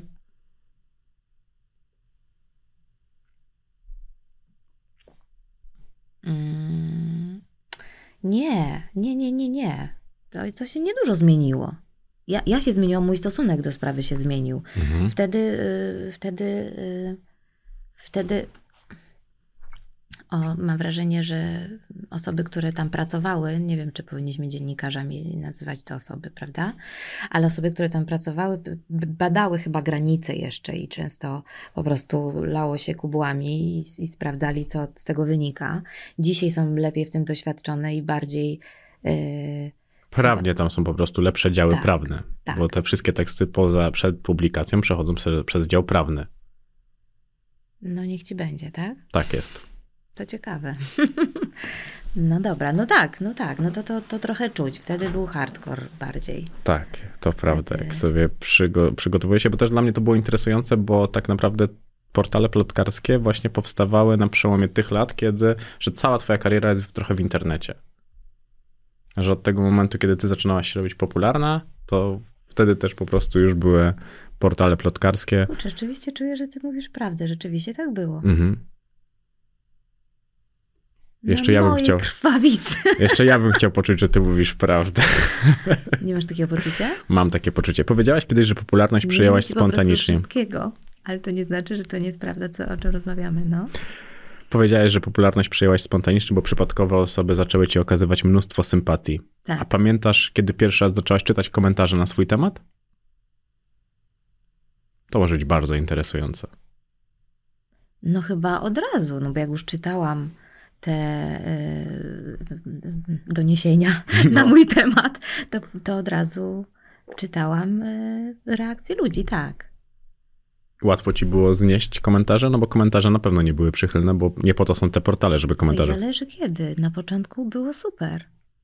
Na początku było super. Mhm. Ja miałam wrażenie, że po prostu super jest być sobą, bo tyle miłości od ludzi spłynęło, a później się zmieniło to. Później się zmieniło chyba bardziej przy kolejnej edycji mojej Tańca z Gwiazdami, Mhm. kiedy się zaprzyjaźniłam z Marysią Wałęsą i wtedy był taki Okej. trend na świecie. Paris Hilton, Hilton Britney Spears, skandalistki i, i, i polskie media uznały, że najwyższa pora, żeby u nas też były takie figury. I no i- rozstawiono je na szachownicy. No. I wtedy przestało być przyjemnie. A pamiętasz taką sytuację, kiedy najbardziej zmanipulowano prawdę, prawdę po to, żeby cię skrzywdzić? Że przeczytałaś o sobie Tak. coś, co kompletnie tak, było na oderwane? przykład, na przykład, y, że zaczynałam swoją karierę jako tancerka erotyczna. Mhm. Wtedy to było jakieś dla mnie. To była taka abstrakcja, że ktoś mógł tak w ogóle napisać. Ja, ja, wiesz, to było dla mnie takie. Po, po całej tej drodze, którą ja przeszłam, rozumiesz, po tych latach po prostu Mhm.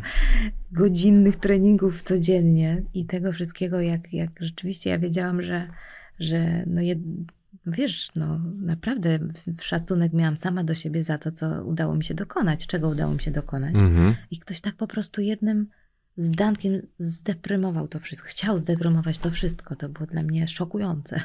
I musiałaś nauczyć chyba takich mediów, mamy, babci. No bo to też Wiesz były co, gazety. Tak, ale siebie najpierw musiałam nauczyć. Siebie najpierw przede wszystkim, bo to, to, to, to wiesz, no dla mnie to było hardkorowe.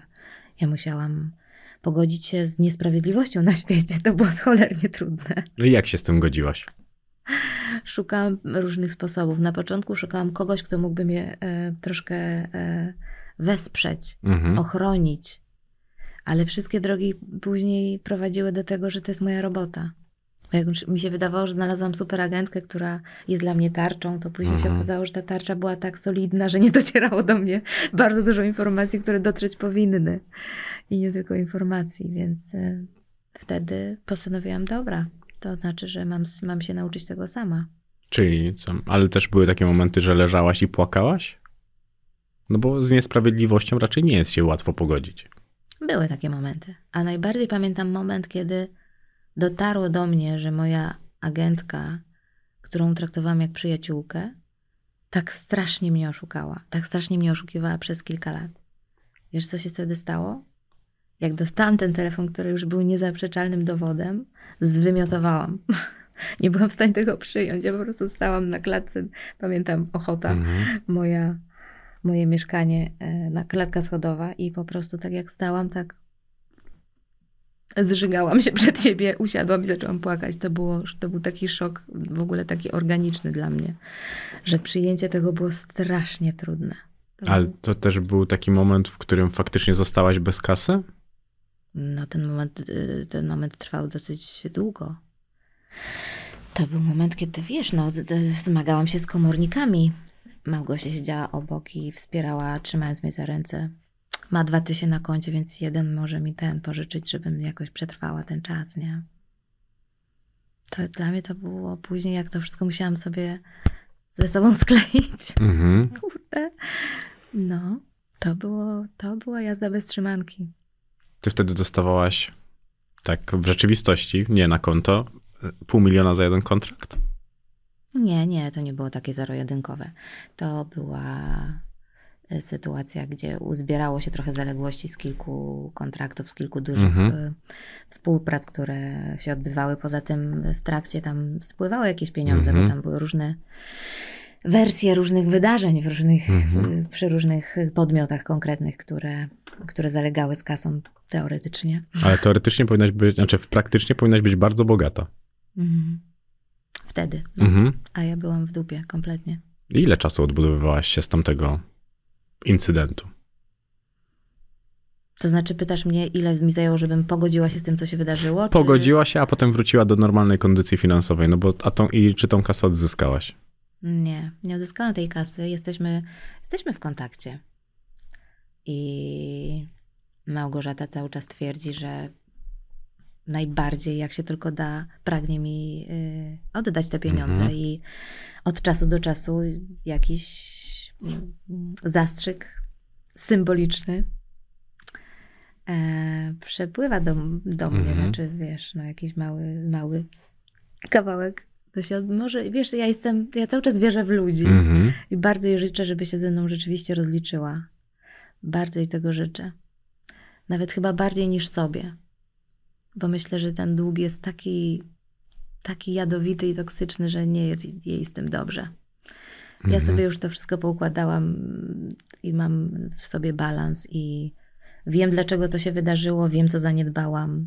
Biję się w pierś, że nie, nie zaopiekowałam się sobą jak należy, że racjonalne dowody na to, że coś się już bardzo nie zgadza i że nie wolno tego łykać, co ona mówi. Wiesz, jakaś ta moja chęć uwierzenia w to, Mhm. że, że, że dobro zwycięża jest, była wtedy silniejsza niż te racjonalne dowody. No. No ale spoko, no, akceptuję to. Trzeba było dostać strzała takiego, żeby już nie było się, nie było się jak odwrócić od tej sytuacji. To ile jesteś na minusie w tej sytuacji? Mm. Wiesz co, no trzeba by jakieś do, doliczyć odsetki, bo to już trochę było. Mhm. Więc myślę, że A bez odsetek? bez odsetek z 400. Szybko jej wybaczyłaś?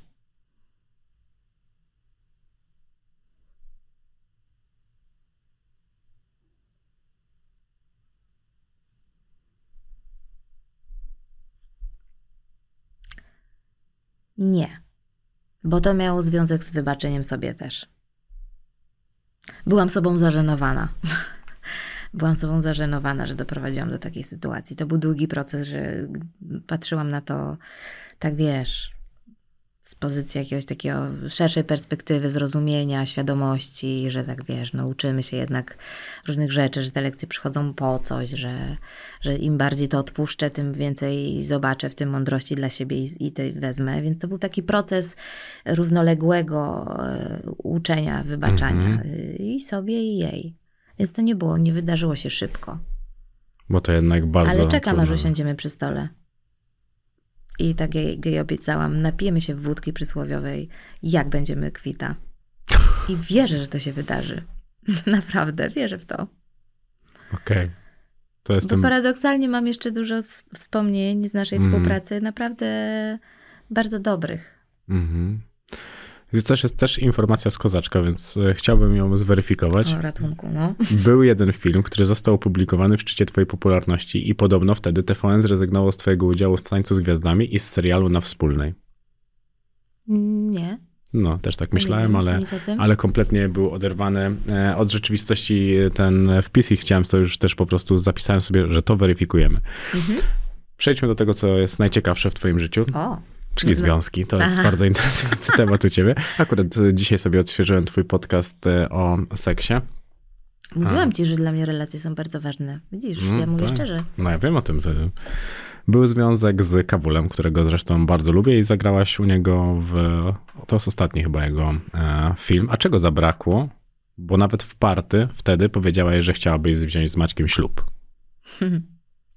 Czego zabrakło w tej relacji? Mhm. Ale już kawałek czasu, co? Słuchaj, znasz Maćka, wiesz, że on nie, nie lubi tak za dużo o sobie. Dlatego serca. porozmawiamy o tobie. Dlatego próbujesz ode mnie wyciągnąć informacje. Czego zabrakło? Mhm. Emocjonalnej y, gotowości na bliskość. Z twojej strony? Nie, nie z mojej strony.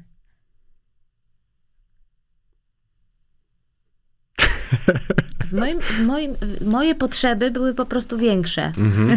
Ale co to znaczy? To, na co, na, na no właśnie co twoją potrzebą mój był ślub? partner był wtedy. Nie, nie. Mhm. Naprawdę tak, tak powiedziałam, takie Mhm. zdanie? Tak, tak, tak. Dzisiaj jestem tym zdziwiona, ale mogłam wtedy tak myśleć, no. Bo w kolejnym związku też e, tam już na pewno było, było tak, że chciałaś ślubu. A skąd wiesz, kozaczek ci powiedział? Nie, nie, nie, nie, nie, słuchaj. To był już i też długi, kolejny długi związek, bo to był siedmioletni związek. I tam już z tego, co wydało, wydawało mi się z tego, co też czytałem, co ty już mówiłaś o tym związku, Tak. to tam już były i trochę chęć na ślub, i trochę chęć na dzieci. Nie, to nie jest prawda. Myśmy y, rozmawiali o tym i bardzo podobny mieliśmy stosunek Mhm. do, do ślubu i nie, nie było z moich... Ja wiem, że bardzo często to było pisane gdzieś, więc może uznałaś Wiesz, bo to jest, za prawdę. znaczy, bo to jest często, Ale to jeszcze w tamtych etapie to było tak, że często ktoś mówił, że ty powiedziałaś coś. No tak. I to no jest więc właśnie, taki problem. to nie jest prawda. Myśmy zawsze byli, my mamy bardzo dużo wspólnego z Mariuszem, Mhm. jeśli chodzi o stosunek do, do takich formalności. I, i, I dla nas, i dla mnie, i dla Mariusza było bardzo mm, ważne w życiu, była wolność. I, i jakoś w tej relacji e, dużo e, było miejsca na to. Co to znaczy dużo wolności w relacji? No właśnie to, że wiesz, kiedy jest y, potrzebna, e, jest potrzeba bliskości, to jest bliskość, a kiedy jest potrzeba swojej przestrzeni, to ona jest i ta druga strona to rozumie, bo ma podobnie. Ale to mieszkaliście razem, osobno? Nie, nigdy nie mieszkaliśmy razem. Pomieszkiwaliśmy razem, e, ale każdy miał swoje mieszkanie. Dużo czasu spędzaliśmy ze sobą, ale Mhm. No bo tam było nawet o tych wyjazdach, że kiedy on miał pracę gdzieś za granicą, to jeździłaś z nim. tyle, ile mi mój kalendarz pozwalał. Mhm. No tak, też No byłaś i on osobno. dos- sobie zawsze żartował, że jestem najbardziej niezdobytą kobietą w jego życiu, może jestem z nim, więc to było fajne. Myśmy pasowaliśmy do siebie. A tu czego zabrakło? Ja jestem przekonany, że ty doskonale sobie zdajesz sprawę. Taka ekspertka w związki, w relacje i w to Mhm. wszystko, co dookoła siebie obudowujesz. Nie jestem ekspertką, po prostu Swojego życia lepiej, jesteś. Coraz lepiej siebie znam, rozumiem Mhm. i też, wiesz, y, i, i też bardzo mocno ukształtowały mnie relacje z mężczyznami. I, akurat y, relacje z Mariuszem, to, jest, to było siedem pięknych lat. Bardzo fajnie, ciepło wspominam. I jakie było Mhm. pytanie? Co was za tym dzieliło? E, Gotowość do tego, żeby pójść krok dalej. A krok dalej, co to było? Cokolwiek. No, Cokolwiek, to też rozstanie. No i okazało się, że właśnie to. A bolały cię informacje, że on przychodzi kryzys wieku średniego i dlatego spotyka się z 19 lat Nie, młodszą dziewczyną? Zwariowałeś. No, mogło boleć. Kompletnie. Nie, nie bolało mnie to już na tamtym etapie, już to naprawdę ktoś, kiedyś taki miałam wniosek, że ilość, wiesz, y, y, ciosów, które przyjmujesz już jak szczepionka działają i ja przez te media, media naprawdę jestem zahartowana i jak byłam tak pewna miłości Mariusza i na tyle miliardów sposobów Mhm. on mi to okazywał, że to, że ktoś tam coś napisał, to naprawdę nie robiło na mnie e, wrażenia. Ale ty chyba zawsze, jak już kochałaś, no to zresztą rozmawialiśmy o tym, to już kochałaś. No, No. Wydaje mi się, że ty nie pozostawiałaś tam w ogóle żadnych wątpliwości dookoła, że po prostu jeżeli ktoś ci powiedział, że tak jest, to tak jest. Wydaje mi się, że brałaś to jako pewnik. Nie, nie to, co ktoś mi powiedział. Ja jakby Co- co czułaś? e, temu, co ja czuję. Mhm. I, I serca słucham, jakkolwiek brzmi to banalnie. To naprawdę tak jest. To jest, to jest moje, to jest e, moja natura po prostu. Więc e, Mhm. jak, jak ktoś pisze cokolwiek na temat moich relacji, to się uśmiecham, myślę sobie, co wy tam wiecie. No dobrze, a odczuwałaś kiedyś różnicę 19 lat? To jest jednak kawałek czasu. To jest niezaprzeczalne, że to jest kawałek czasu.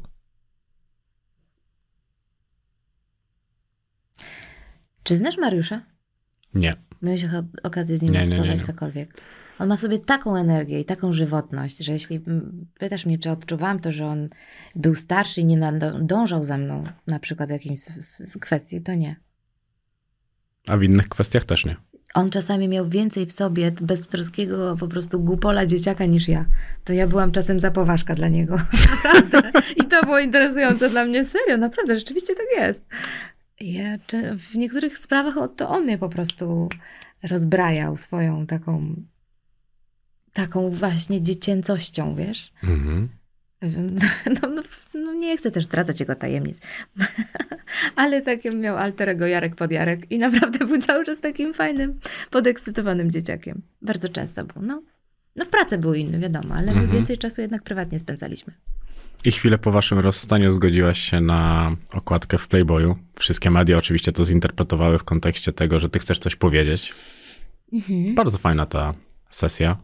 Też uważam, że fajna. Tak. Jedna z ciekawszych, szczerze powiedziawszy, bo jak e, jest ktoś u mnie, kto miał okładkę w Playboyu, to zazwyczaj staram się szukać tych egzemplarzy i zazwyczaj to jest e, wszystko na jedno kopyto, a to było bardzo, e, bardzo ciekawa. Takie było po mojemu. Chciałam, żeby kobieta zrobiła zdjęcia, chciałam, żeby to były zdjęcia, które mi się podobają, rodzaj Mhm. zdjęć, takiej sensualności, która, która mm, jest w dobrym stylu, w dobrym smaku, tak żebym właśnie patrząc na zdjęcia się uśmiechała.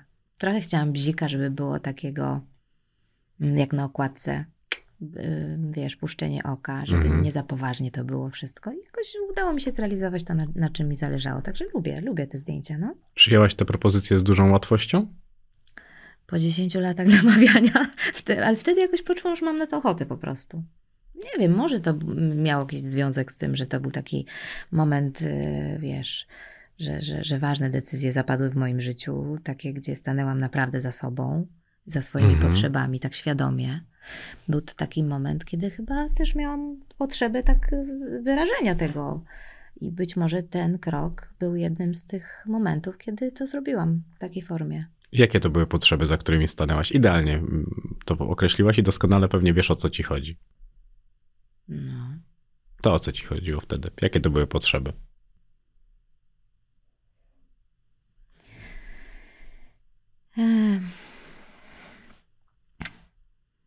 No, tak wprost, Mhm. że czułam, e, że jestem w takim punkcie fajnej takiej e, relacji ze sobą, że potrzebowałam e, doświadczyć, poczuć, przekonać Mhm. się, jak to być z mężczyzną tak naprawdę blisko. A Mariusz jest jak sinobrody. On ma swój pokój ciemny, do którego nie dopuszcza. No i nie, to nie. Chciałbym wierzyć, że miałaś wtedy w sobie tak dużo optymizmu. Co ty, to było strasznie trudne. No Właśnie, dobrze znosisz rozstania? Nie umiem się rozstawać w ogóle. To w ogóle się nie umiem rozstawać. Ja po prostu robię jakieś radykalne cięcia, a później dopiero przeżywam to wszystko. Bo chyba po prostu nie za bardzo umiem to robić. Bo tak bardzo jestem, wiesz, mocno w tych relacjach, że jak nagle, nawet jeśli podejmuję decyzję, że wiem, że to jest moment już na Mhm. rozstanie, to, to nie umiem tego dokonać, tak wiesz. y, jakoś rozsądnie po prostu. To jest wy, wybieganie z domu z mokrą głową, wiesz. Spektakularne. Jakieś takie. No naprawdę, aż czuję, że się czerwienie, bo to jest takie wstydliwe dla mnie, bo naprawdę nie, umiem tego zrobić. Parę razy w życiu już mi się zdarzyło i za każdym razem to było właśnie takie. Albo w środku nocy zamawianie taksówki, zbieranie szybko swoich kosmetyków z łazienki. Koniec.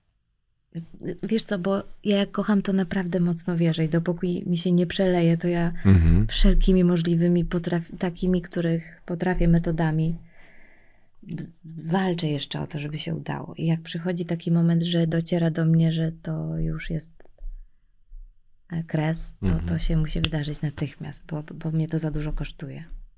Łatwo ciebie rozkochać? Żebyś ty się zakochała w kimś? Hmm. Nie. Nie. Jaka dumna! Nie, pierwszy raz się nad nie wiem, czy jestem z tego dumna. Naprawdę pierwszy raz się nad tym zastanawiam, czy to jest łatwo. Nie. A wpadałaś z związku w związek? Czy potrafiłaś być sama?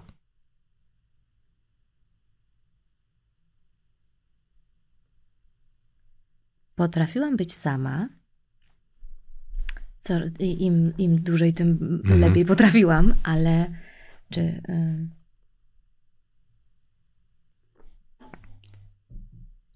No na przykład, wiesz, niedużo czasu minęło między moim rozstaniem z Kawulem, a e, poznaniem Mariusza, No ale Kabul to był krótki związek.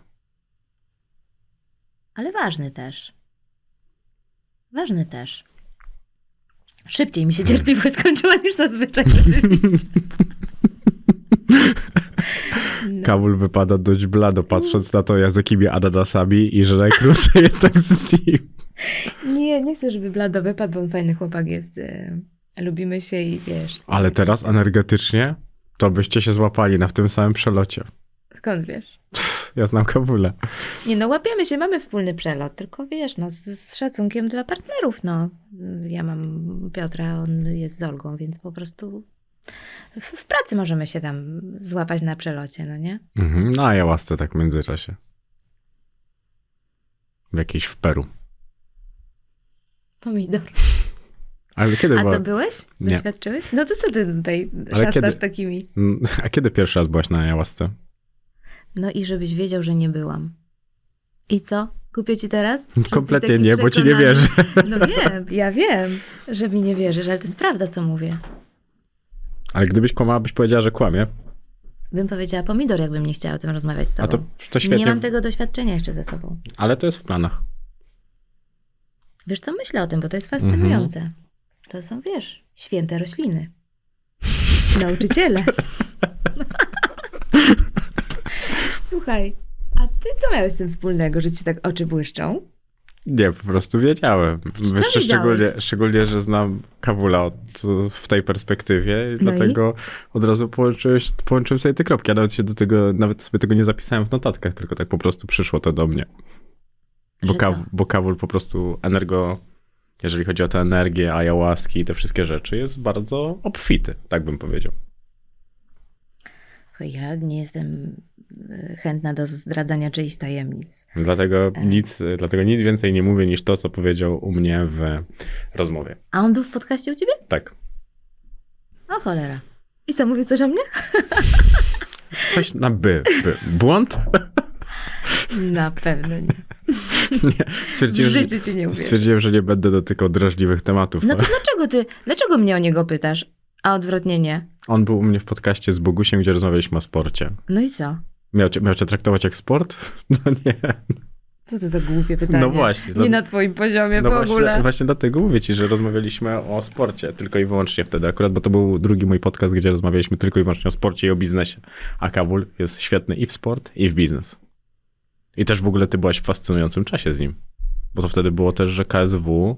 No już- tak, on był w pracy albo w pracy. No właśnie, także to Super też było. świet, świetny czas ogólnie. Ekstra było naprawdę, no. Musiało się naprawdę wam bardzo dobrze układać. Nie rozumiem twojej decyzji. Kompletnie. Myślę, że no, on też nie rozumiał wtedy bardzo.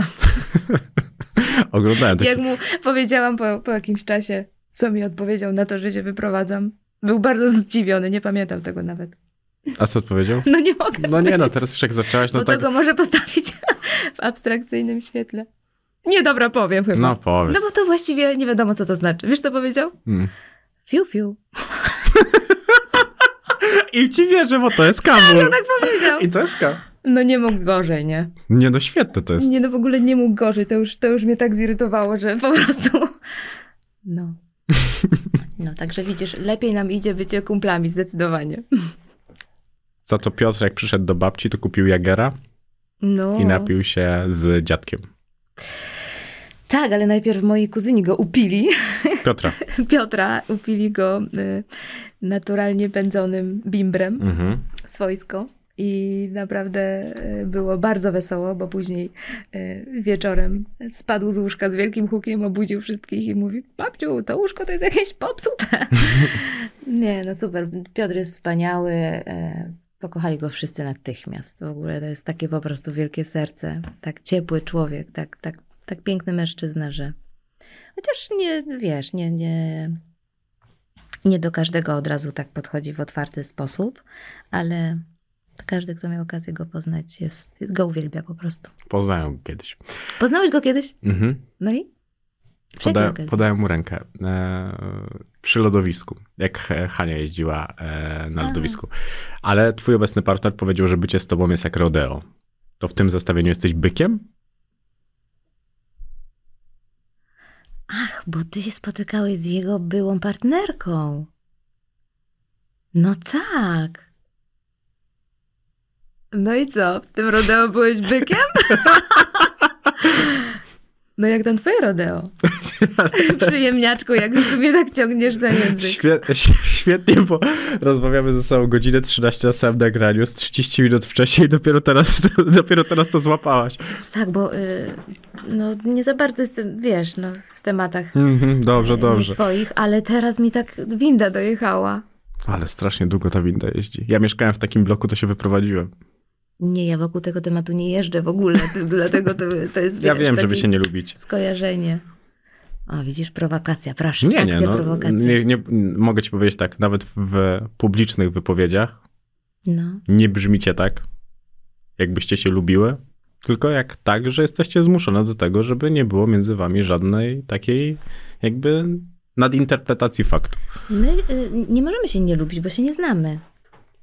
O, to jest bardzo dobre określenie. My się nie znamy po prostu. No. Z wyboru, wiesz. O, i to jeszcze lepiej brzmi. No, to jest prawda po prostu, nie? No, tak, tylko Z moją córką jakaś kobieta spędza tyle czasu, raczej chciałabym ją poznać. jednak rodeo. No i co na tym lodowisku? No to w tym zestawieniu jesteś bykiem? My się chyba wymieniamy już dzisiaj, to jest super. No, I ty lubisz byłam być... przez, przez dłuższy czas, a dzisiaj jest naprawdę fajna równowaga w tej relacji. Akurat oglądam Yellowstone i zawsze każdy musi spać z tego byka. No i super. I lubisz spadać?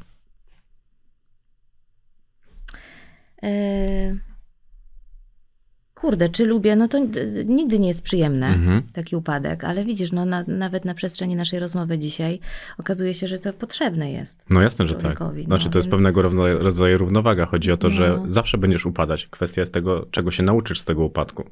No i czy się będziesz użalać, i jak długo się będziesz użalać nad sobą, że cię tam kolanko boli, nie? Mhm. Chyba gorzej jak na głowę spadniesz. No, czy tam główka. to akurat się czasami opyla, wiesz, na głowę. Tak? No, bo ja mam największy mam problem z dogadaniem się z ludźmi, którzy są totalnie w swojej głowie tylko i nie potrafią wyjść z tego do serca. To się musi spotkać. Ja wtedy, wtedy jest to dla mnie człowiek interesujący. Dobrze, a jak dogadujesz się z Hanią? Bardzo się dogaduję, bo Hania jest y, pięknym promykiem. Mhm. po prostu takim, wiesz, z taką żywą, bezwarunkową miłością do mnie.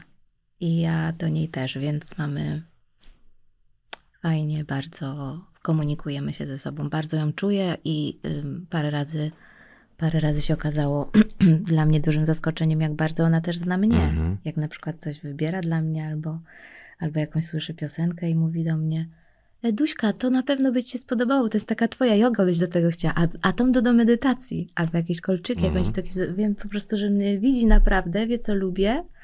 Ostatnio przyszła i powiedziała, no musisz zgadnąć, za to się przebrałam ostatnio do, do szkoły na bal. No i jestem pipa lampa, bo, bo nie zgadłam, ale oczywiście ona mówi, za Indiankę, wiedziałam, że będziesz szczęśliwa.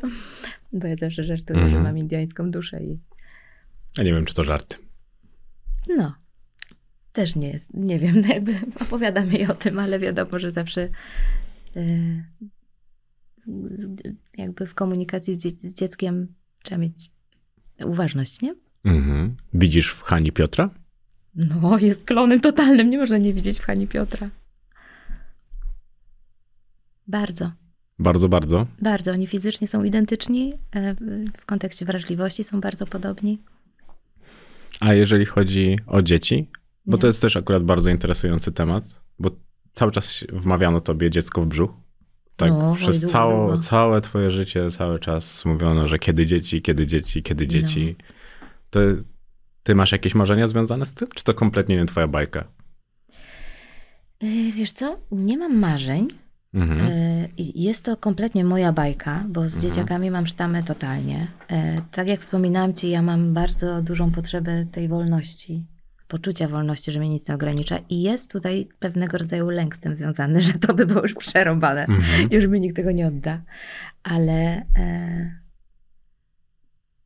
no chyba jednak do, dojrzewam do tego, żeby, żeby nie, już chyba jestem coraz bardziej nasycona tą wolnością. Teraz i inne rzeczy mm, kiełkują w moim sercu, inne potrzeby.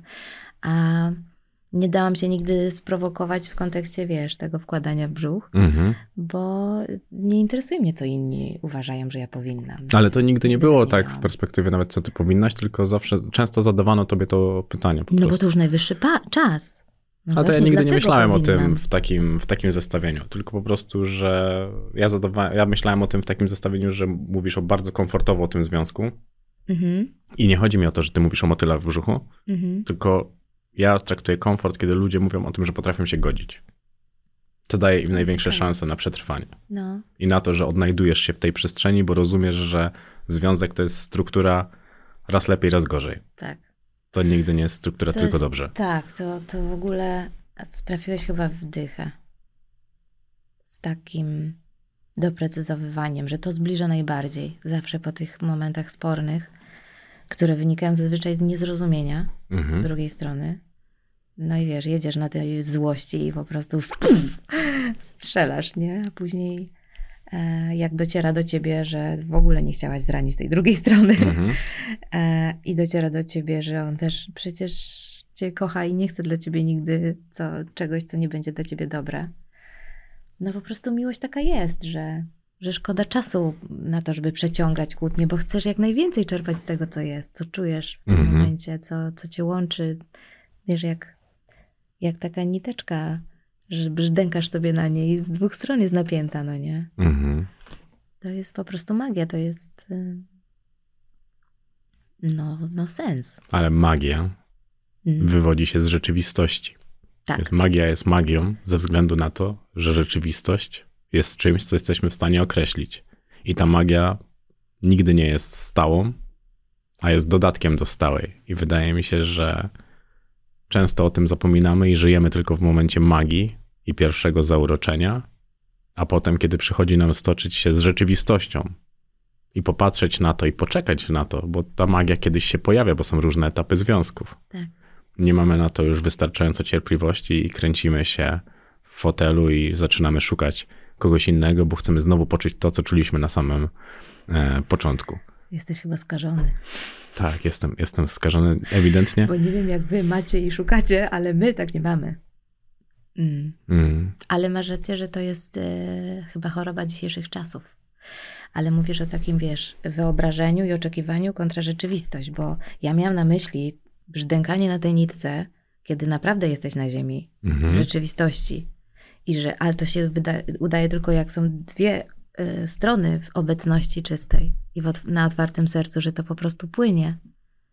A nie, że wyobrażasz sobie cukierkowy y, obrazek, do którego chcesz doścignąć i, i y, wiesz, wywalasz się na pierwszym zakręcie, jak nie jest tak, jak ty sobie wymarzyłeś. Ale każdy sobie wyobraża. Ty też No. pewnie sobie wyobrażałaś. Ja też sobie Jak wyobrażam. poznałam Piotra, nic sobie nie No wyobrażałam. dobrze, ale jak poznałaś Piotra, to już jednak byłaś doświadczona w boju. Myśmy z Piotrem mieli kompletnie inną historię. My się śmiejemy, że myśmy byli ze sobą od pierwszego momentu, jak się zobaczyliśmy. To myśmy po prostu nagle zaczęli ze sobą w trakcie tej rozmowy. I to się tak zadziało. A dopiero później do mnie dotarło, że tam jest, wiesz, dużo historii wokół i Mhm. tak dalej, ale to już za późno było, to już miłość tak wystrzeliła, że koniec. A ślub będzie dookoła indiańskiej muzyki? Słuchaj, jeśli się zdecydujemy, to będzie bardzo po naszemu. No. My Ale po naszemu to jest-. No właśnie macie w takim takie właśnie, tak? Bo macie, właśnie to, to mnie też zastanawiało, czy to jest wspólne. Bardzo to jest wspólne. No, zresztą jak og- oglądałeś e, rozmowę z Tomkiem, do której przyłączył się Mhm. mm, Piotr, bo wnioskuję, że troszkę cytowałeś tamtego, to pamiętasz, co zrobił. Że na początku to- jest trudno, a później ulu, Indianiec i lecisz. No to jest to w takim, wiesz, połączeniu ze, ze, ze swoją dzikością serca. A co najbardziej wzięłaś od Piotra do swojego życia? A wiesz co, ja się chyba przy nim nauczyłam, nie chyba, na pewno. On sprawił, że ja zaufałam mężczyźnie na serio. Być może pierwszy raz.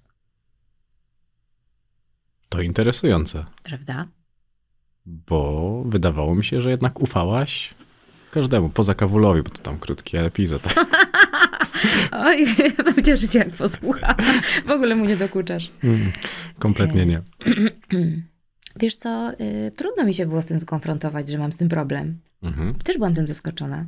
Ale taka była duża rezerwa we mnie, w moim sercu, chyba po tym pierwszym rozczarowaniu, kiedy, kiedy się okazało wszystko trochę inaczej niż miałam nadzieję i jakby wierzyłam, że jest.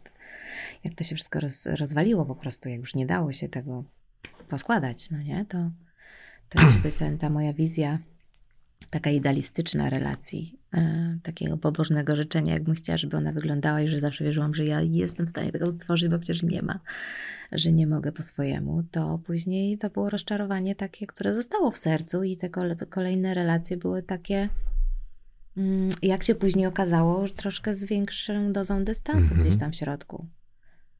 Niebezpieczne to wszystko było, bo jak opowiadałaś o tej relacji z Tomkiem, o tym, że płynął w używkach, to No. wyglądało jak taka niebezpieczna patologia, taka naprawdę niebezpieczna. Tego, Tak. że nie wiesz, co się wydarzy. No, Jeszcze ty, która wyglądałaś na taką osobę, która bierze bardzo na siebie, Tak, tak, że tak, tak. przyjmuje jego grzechy jako Tak, wymówki ja to do trafiłam wszystko tego. razem z nim. Ja współodpowiedz- jakby wzięłam współodpowiedzialność za to. Myśmy byli po prostu tylko my, nierozłącznie. Nie było dla mnie ja bez Tomka. No to jest niezdrowa sytuacja, bardzo nie polecam. Nie, nie. Nie, nie.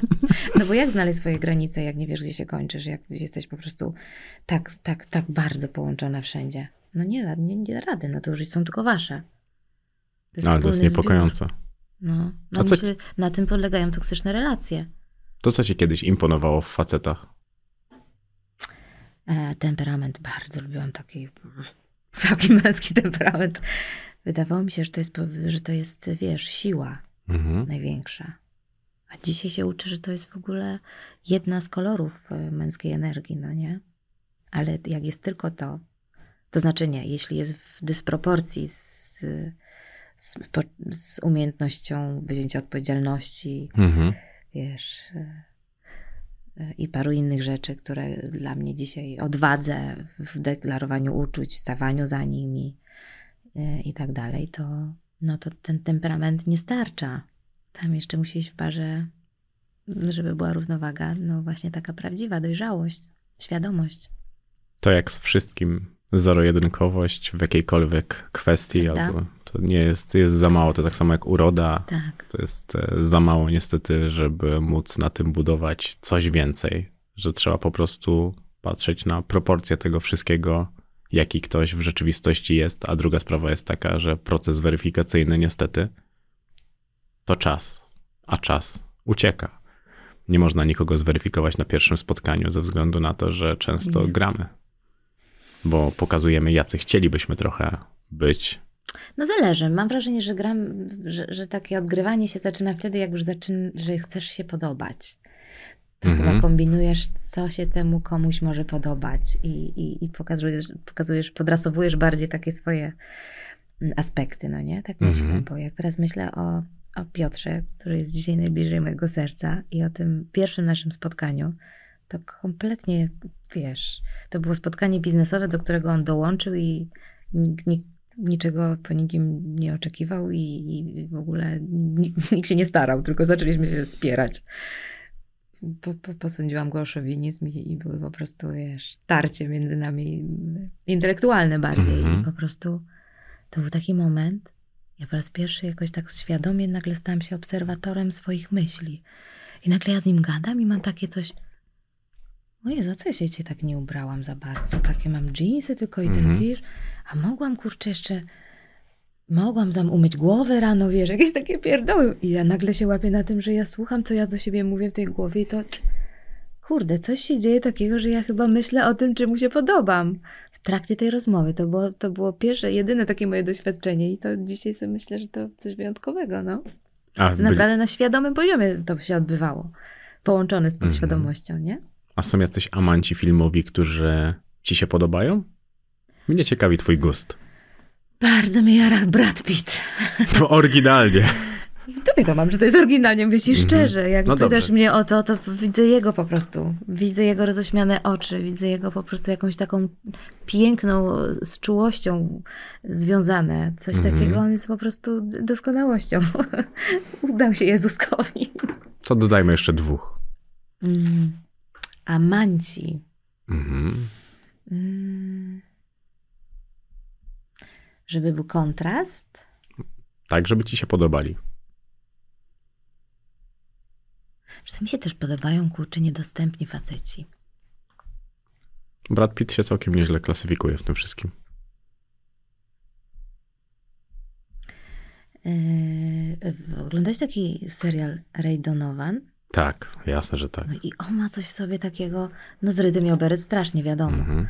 Więc myślę, że niedobrze to o mnie świadczy, jak go wy, wymieniam, ale w, w tym kontekście, ale właśnie coś takiego intrygująco niedostępnego, Mhm. co on ma w sobie, jest też bardzo kręcące. A to na przykład idąc tym tropem, to ten pan, oglądałeś film, film Adrenalina? Nie. Taki łysy pan z Wielkiej Brytanii. On ma taką piękną żonę modelkę. Teraz nie pamiętam, jak on się niestety nazywa. Ale też e, bardzo popularny e, aktor i dużo ludzi o nim mówi, że jest przystojny, ale też jest właśnie taki bardzo swój. Taki nie bradopitowy, ale nie pamiętam, jak się nazywa, więc szukajmy trzeciego. Trzeciego to przychodzi mi Gerard Butler. On miał parę takich fajnych ról. Albo na przykład, wiesz, gladiator z takim szlachetnym sercem pięknym, oddany swojej rodzinie, swojej wielkiej miłości. Szlachetne Mhm. serce, no. Proszę bardzo, niech będzie gladiator. Chociaż tragicznie skończył, ale on jako postawa męska. Tak. Jak ty patrzysz na swoją karierę aktorską? Słuchaj, moje doświadczenia aktorskie nie składają się jeszcze w aktorską karierę. Słuchaj, tak. Tylko najlepsze Jest zapisałem. Plebania, kryminalni, na wspólnej, ty, tylko to miłość w swoim samym życiu. W klanie, w pierwszej miłości, świat według kiepskich, nowa, ojciec Mateusz, na dobre i na złe, komisarz Alex, barwy szczęścia, jak pokochałem gangstera. No. Kariera. Hmm. Ja nie zagrałem w ani jednym. No dobrze, no masz, masz, słuchaj, inne masz e, chyba priorytety i potrzeby. No, ty masz tutaj ilość rozmów imponującą i to ciekawych gości, które, których zapraszasz też. To, wiesz, no dla mnie mm, jakby satysfakcja z, ze stworzenia, z kreacji. y, Większą mam satysfakcję z tego, co robię dziś w teatrze, niż, niż takiej filmografii, którą ty przeczytałeś teraz. I naprawdę tego nie postrzegam jako kariery. Jak zagram kiedyś taką Mhm. rolę, z której będę w cholerę jasno em, dumna, no to wtedy możemy w tych kategoriach rozmawiać. Na, na dzień dzisiejszy nie mam jeszcze jej na koncie. Ale jak pokochałem gangstera, no to świetna rzecz. Świetny epizod. Mhm. Bardzo taki e, rozwibrowany, uważam. Jeden z najfajniejszych momentów tego filmu, ale to nie jest nadal jakaś wielka rola. No ale wiesz. nawet nie mówię o wielkiej roli, tylko to już jest e, to bardzo potężnie wyprodukowane. Tak. Netflix. Tak. Dookoła tego naprawdę bardzo przyjemna otoczka. Wydaje mi się, że film też odbił się szerokim echem. Mhm. Patrząc na to, też zagrałaś przecież w jednej takiej produkcji, która była bardzo mocno popularna w Rosji i w Ukrainie. Wolf Messing. Mhm. Tam zagrałaś też bardzo mocno scenę seksu, dobrze pamiętam? Tak, tak, bo to, ja grałam wtedy e, ukochaną głównego bohatera, który był jasnowidzem i on zawsze e, podczas e, takich uniesień Mhm. intymnych dostawał wizję. Więc to była, to była e, taka scena, gdzie była połączona z tym, że do niego te wizje przyszły, ale to w ogóle jest taka tragiczna historia, bo ten bohater, ten aktor w ogóle zginął tragicznie w trakcie kręcenia tego filmu i nieskończone były te zdjęcia i, i to zostało pocięte później, z tego co wiem, na serial, żeby to jakoś uratować. No. 16 odcinków e, z tego, co pamiętam. No i też ta sytuacja, że po twoim tańcu z gwiazdami tańczyłaś z Kubą Wesołowskim i między wami, cytuję teraz ciebie, iskrzyło. I No. produkcja zaprosiła cię na zdjęcia próbne i okazało się, że jest super. No i Tak, tak, powstała wtedy- twoja rola. Tak, została napisana bohaterka Urszula, młoda matka samotna wychowująca swoje dziecko, córeczkę, w której zakochuje się Igor, czytaj, Mm. Jakub Wesołowski. Tak, fajnie nam się pracowało wtedy, bo myśmy, Była silna chemia. e, tak, no, Ale niebezpieczna? nie, bezpieczna. Dla mnie bezpieczna, bo jeszcze miałam Jeszcze, no. Kogo? Tomka w sercu cały czas. O, I y, y, Kuba przestał smolić cholewę, jak pewnego razu przyszedł Tomek na y, trening, żeby nam tam coś pomóc i spojrzał na nas. Aha, dobra, to już teraz wszystko rozumiem. No i odpuścił. szkoda. No ale prowokujesz, prowokujesz czarusiu po prostu. W ogóle nie prowokuję. To... Słuchaj, tak, tak, się, to, tak wszystko jest tak, jak ma być. No. Jasne, że Ja tak. naprawdę jestem tak uczciwa wobec siebie, wobec tego, co czuję, że nie mam powodu żałować czegokolwiek, bo co, miałam wyprodukować inne uczucia niż były naprawdę? Po co? Jaki sens Ja tylko wtedy? zaczepiam. No wiadomo. Był moment, w którym mówiłeś, że jedziesz do Stanów na spotkanie w sprawie propozycji, którą dostałeś z Hollywood. Później fakt napisał o tym, że tej propozycji nie było. Jaka to prawda? No to był taki moment, że tak lubili sobie najpierw wymyślić coś, żeby było co później demontować. Dementować. O, demontować i No, dementować. to zdemontować też to możemy. Prawda, jedna cholera. No, czyli Tak. nie było niczego... Nie, ja pojechałam tam na warsztaty aktorskie, żeby się Mhm. po prostu kształcić. I to propozycją było to, że Bernard Hiller po mm, cyklu warsztatów w, w Europie zaprosił mnie do swoich masterclass. To była propozycja. Bo ty też się uczyłaś w Rzymie i w Londynie, tak? Tak.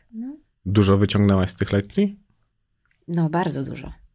Dużo y, narzędzi do pracy ze sobą, ale też takiego, takiego radykalnego konfrontowania się z tym, no, na co mam być gotowa, jeśli rzeczywiście chcę grać. Jakie masz marzenia aktorskie? Jak tak rzeczywiście spojrzysz na swoje umiejętności, na to, co może się wydarzyć w twoim życiu i jaki masz apetyt na życie? A wydaje mi się, że apetyt jest duży. Tak, mam duży apetyt, y, ale mój stosunek do aktorstwa się zmienił na zdecydowanie zdrowszy, bo moje ambicje na początku były bardzo takie um, uciążliwe dla mnie, bo te pierwsze zmagania, właśnie to były takie zmagania. Jak pierwsze. próbowałaś komuś coś udowodnić, Tak, moim zdaniem. I też miałeś inten- tak, że tak, odłożyłaś ten taniec była. na półkę tylko i wyłącznie po to, żeby nie nazywali cię tancereczką. To wszystko, tak- ja zanegowałam bardzo ważną część siebie wtedy, żeby coś udowadniać i to był bardzo y, głupi kierunek, ale ta tęsknota za Mhm. sobą pokazała mi właśnie, jak bardzo to jest niewłaściwe i wróciłam na właściwy tor. Ale właśnie jak, jak, jak rozmawiamy o tym, czym te doświadczenia były wtedy, to było zawsze takim dużym ciężarem i chęcią udowodnienia właśnie Mhm. aż do pierwszej roli e, w teatrze dramatycznej, mm, w duodramie z Magd- Małgosią Bogdańską w Diwie, no nie? To wtedy Mhm. reżyser powiedział, że to jest dla mnie jak eksternistyczny egzamin, że jeśli się tego podejmę, to on mi pomoże i zrobimy to dobrze, bo obserwował mnie wtedy, powiedział już od dwóch lat i nieprzypadkowo przychodzi do mnie z tą propozycją, także jakoś tak fajnie we mnie uwierzył. Mhm.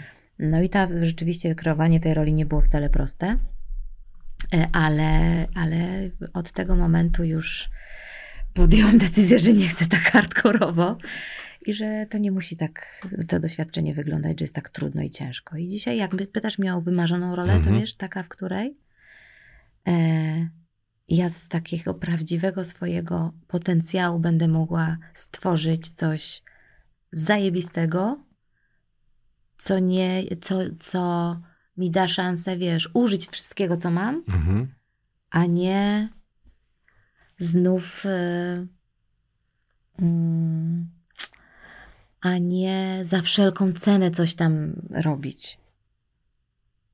Ja mam tak bogate życie y, swoje, Mhm. swoje jakby cykl doświadczeń, y, które mam już za sobą, że ja mam naprawdę z czego czerpać i jeśli myślę o wymarzonej roli, to, to właśnie taka ona byłaby, żebym mogła z jak największej ilości doświadczeń e, czerpać, które w moim życiu były. Co się uśmiechasz do swojej własnej kartki? Wyobrażasz sobie to na przykład, że nie wiem, tak, ja, bo ja myślę, że to jest na przykład marzenie do zrealizowania, że jesteś na przykład gdzieś tam w planecie singli, gdzieś tam w listach do AM, pojawiasz się w takich produkcjach i po prostu Mhm. pojawiasz się regularnie, bo Mhm. to są rzeczy, wydaje mi się, że bardzo w zasięgu Mhm. i do zrobienia jak najbardziej, a Tak. wydaje mi się, że już aktorsko też pokazują, że okej, potrafisz coś, jesteś w fajnych miejscach, bo to zazwyczaj są bardzo fajne, pozytywne, ciepłe filmy, dobrze odbierane przez publiczność. Z drugiej strony pojawiają się produkcje takie, nie wiem, ale powiedzmy Patryka Wegi, ale już chyba w innych, e, innych reżyserów, bo wydaje mi się, że tam jest trochę moment e, zaciągnięty, na chwilę jest hamulec ręczny, Mhm. no ale pojawia się chociażby taki kawul, który gdzieś tam zagospodarowuje taką przestrzeń i po prostu robi to trochę bardziej artystycznie, a mniej komercyjnie Tak, i to byłoby coś takiego, jest co by... odważny w, tym, w tych swoich decyzjach i No, zrobienie trzygodzinnego filmu to odwaga. Ten też, film no. był strasznie, e, strasznie długi. I wyobrażasz sobie, że to jest kariera, o której byś mogła powiedzieć, że chciałabyś taką? Maćka kariera? Nie, taką, że właśnie grasz w jakichś tam e, komediach romantycznych, grasz właśnie w takich produkcjach jak Maćka. Wiesz co, mo- moje życie mi pokazuje, że ja zazwyczaj nie idę taką e, sztampową trasą, że ja muszę mieć teraz po drodze parę komedii romantycznych, Mhm. żeby dostać. Ja myślę, że jak przyjdzie właściwy moment, to mogę dostać dokładnie tą propozycję, która będzie tą właściwą Mhm. i nie muszę po drodze e, przechodzić przez te wszystkie bramki, o których mówisz. Ale być może tak, być może stanie się właśnie tak, nie wiem, zobaczę, ale nie układam tego tak Mhm. w głowie. Bardzo dużo się we mnie zmienia teraz. Teraz jest taki czas, kiedy ja mam wrażenie, że, że życie mi podkłada e, takie projekty, żebym ja mogła w tym rozkwitać Mhm. i żebym siebie zobaczyła, jak fajna jestem w tym rozkwicie takim autentycznym i żebym jeszcze bardziej zaufała sobie. I jak to się wydarzy, to przyjdzie ta rola. I opowiem ci wtedy o tym. Co jest dzisiaj twoim życiem zawodowym? E, no głównie teatr. Najwięcej pracuję Mhm. w teatrze, plus y, programy dwa. Jeden y, z dzieciakami, który jest, Mhm. y, dotyka mojej największej pasji, czyli tańca, You Can Dance, a drugi tańcząca ze światem, który paradoksalnie o tańcu nie jest, ale Mhm. między innymi jest jeden z aspektów, który dotykamy. To jest podróż, podróżniczy program. A bałaś się przyjmując propozycję od TVP, że zacznie się na ciebie chociażby lincz? Nie.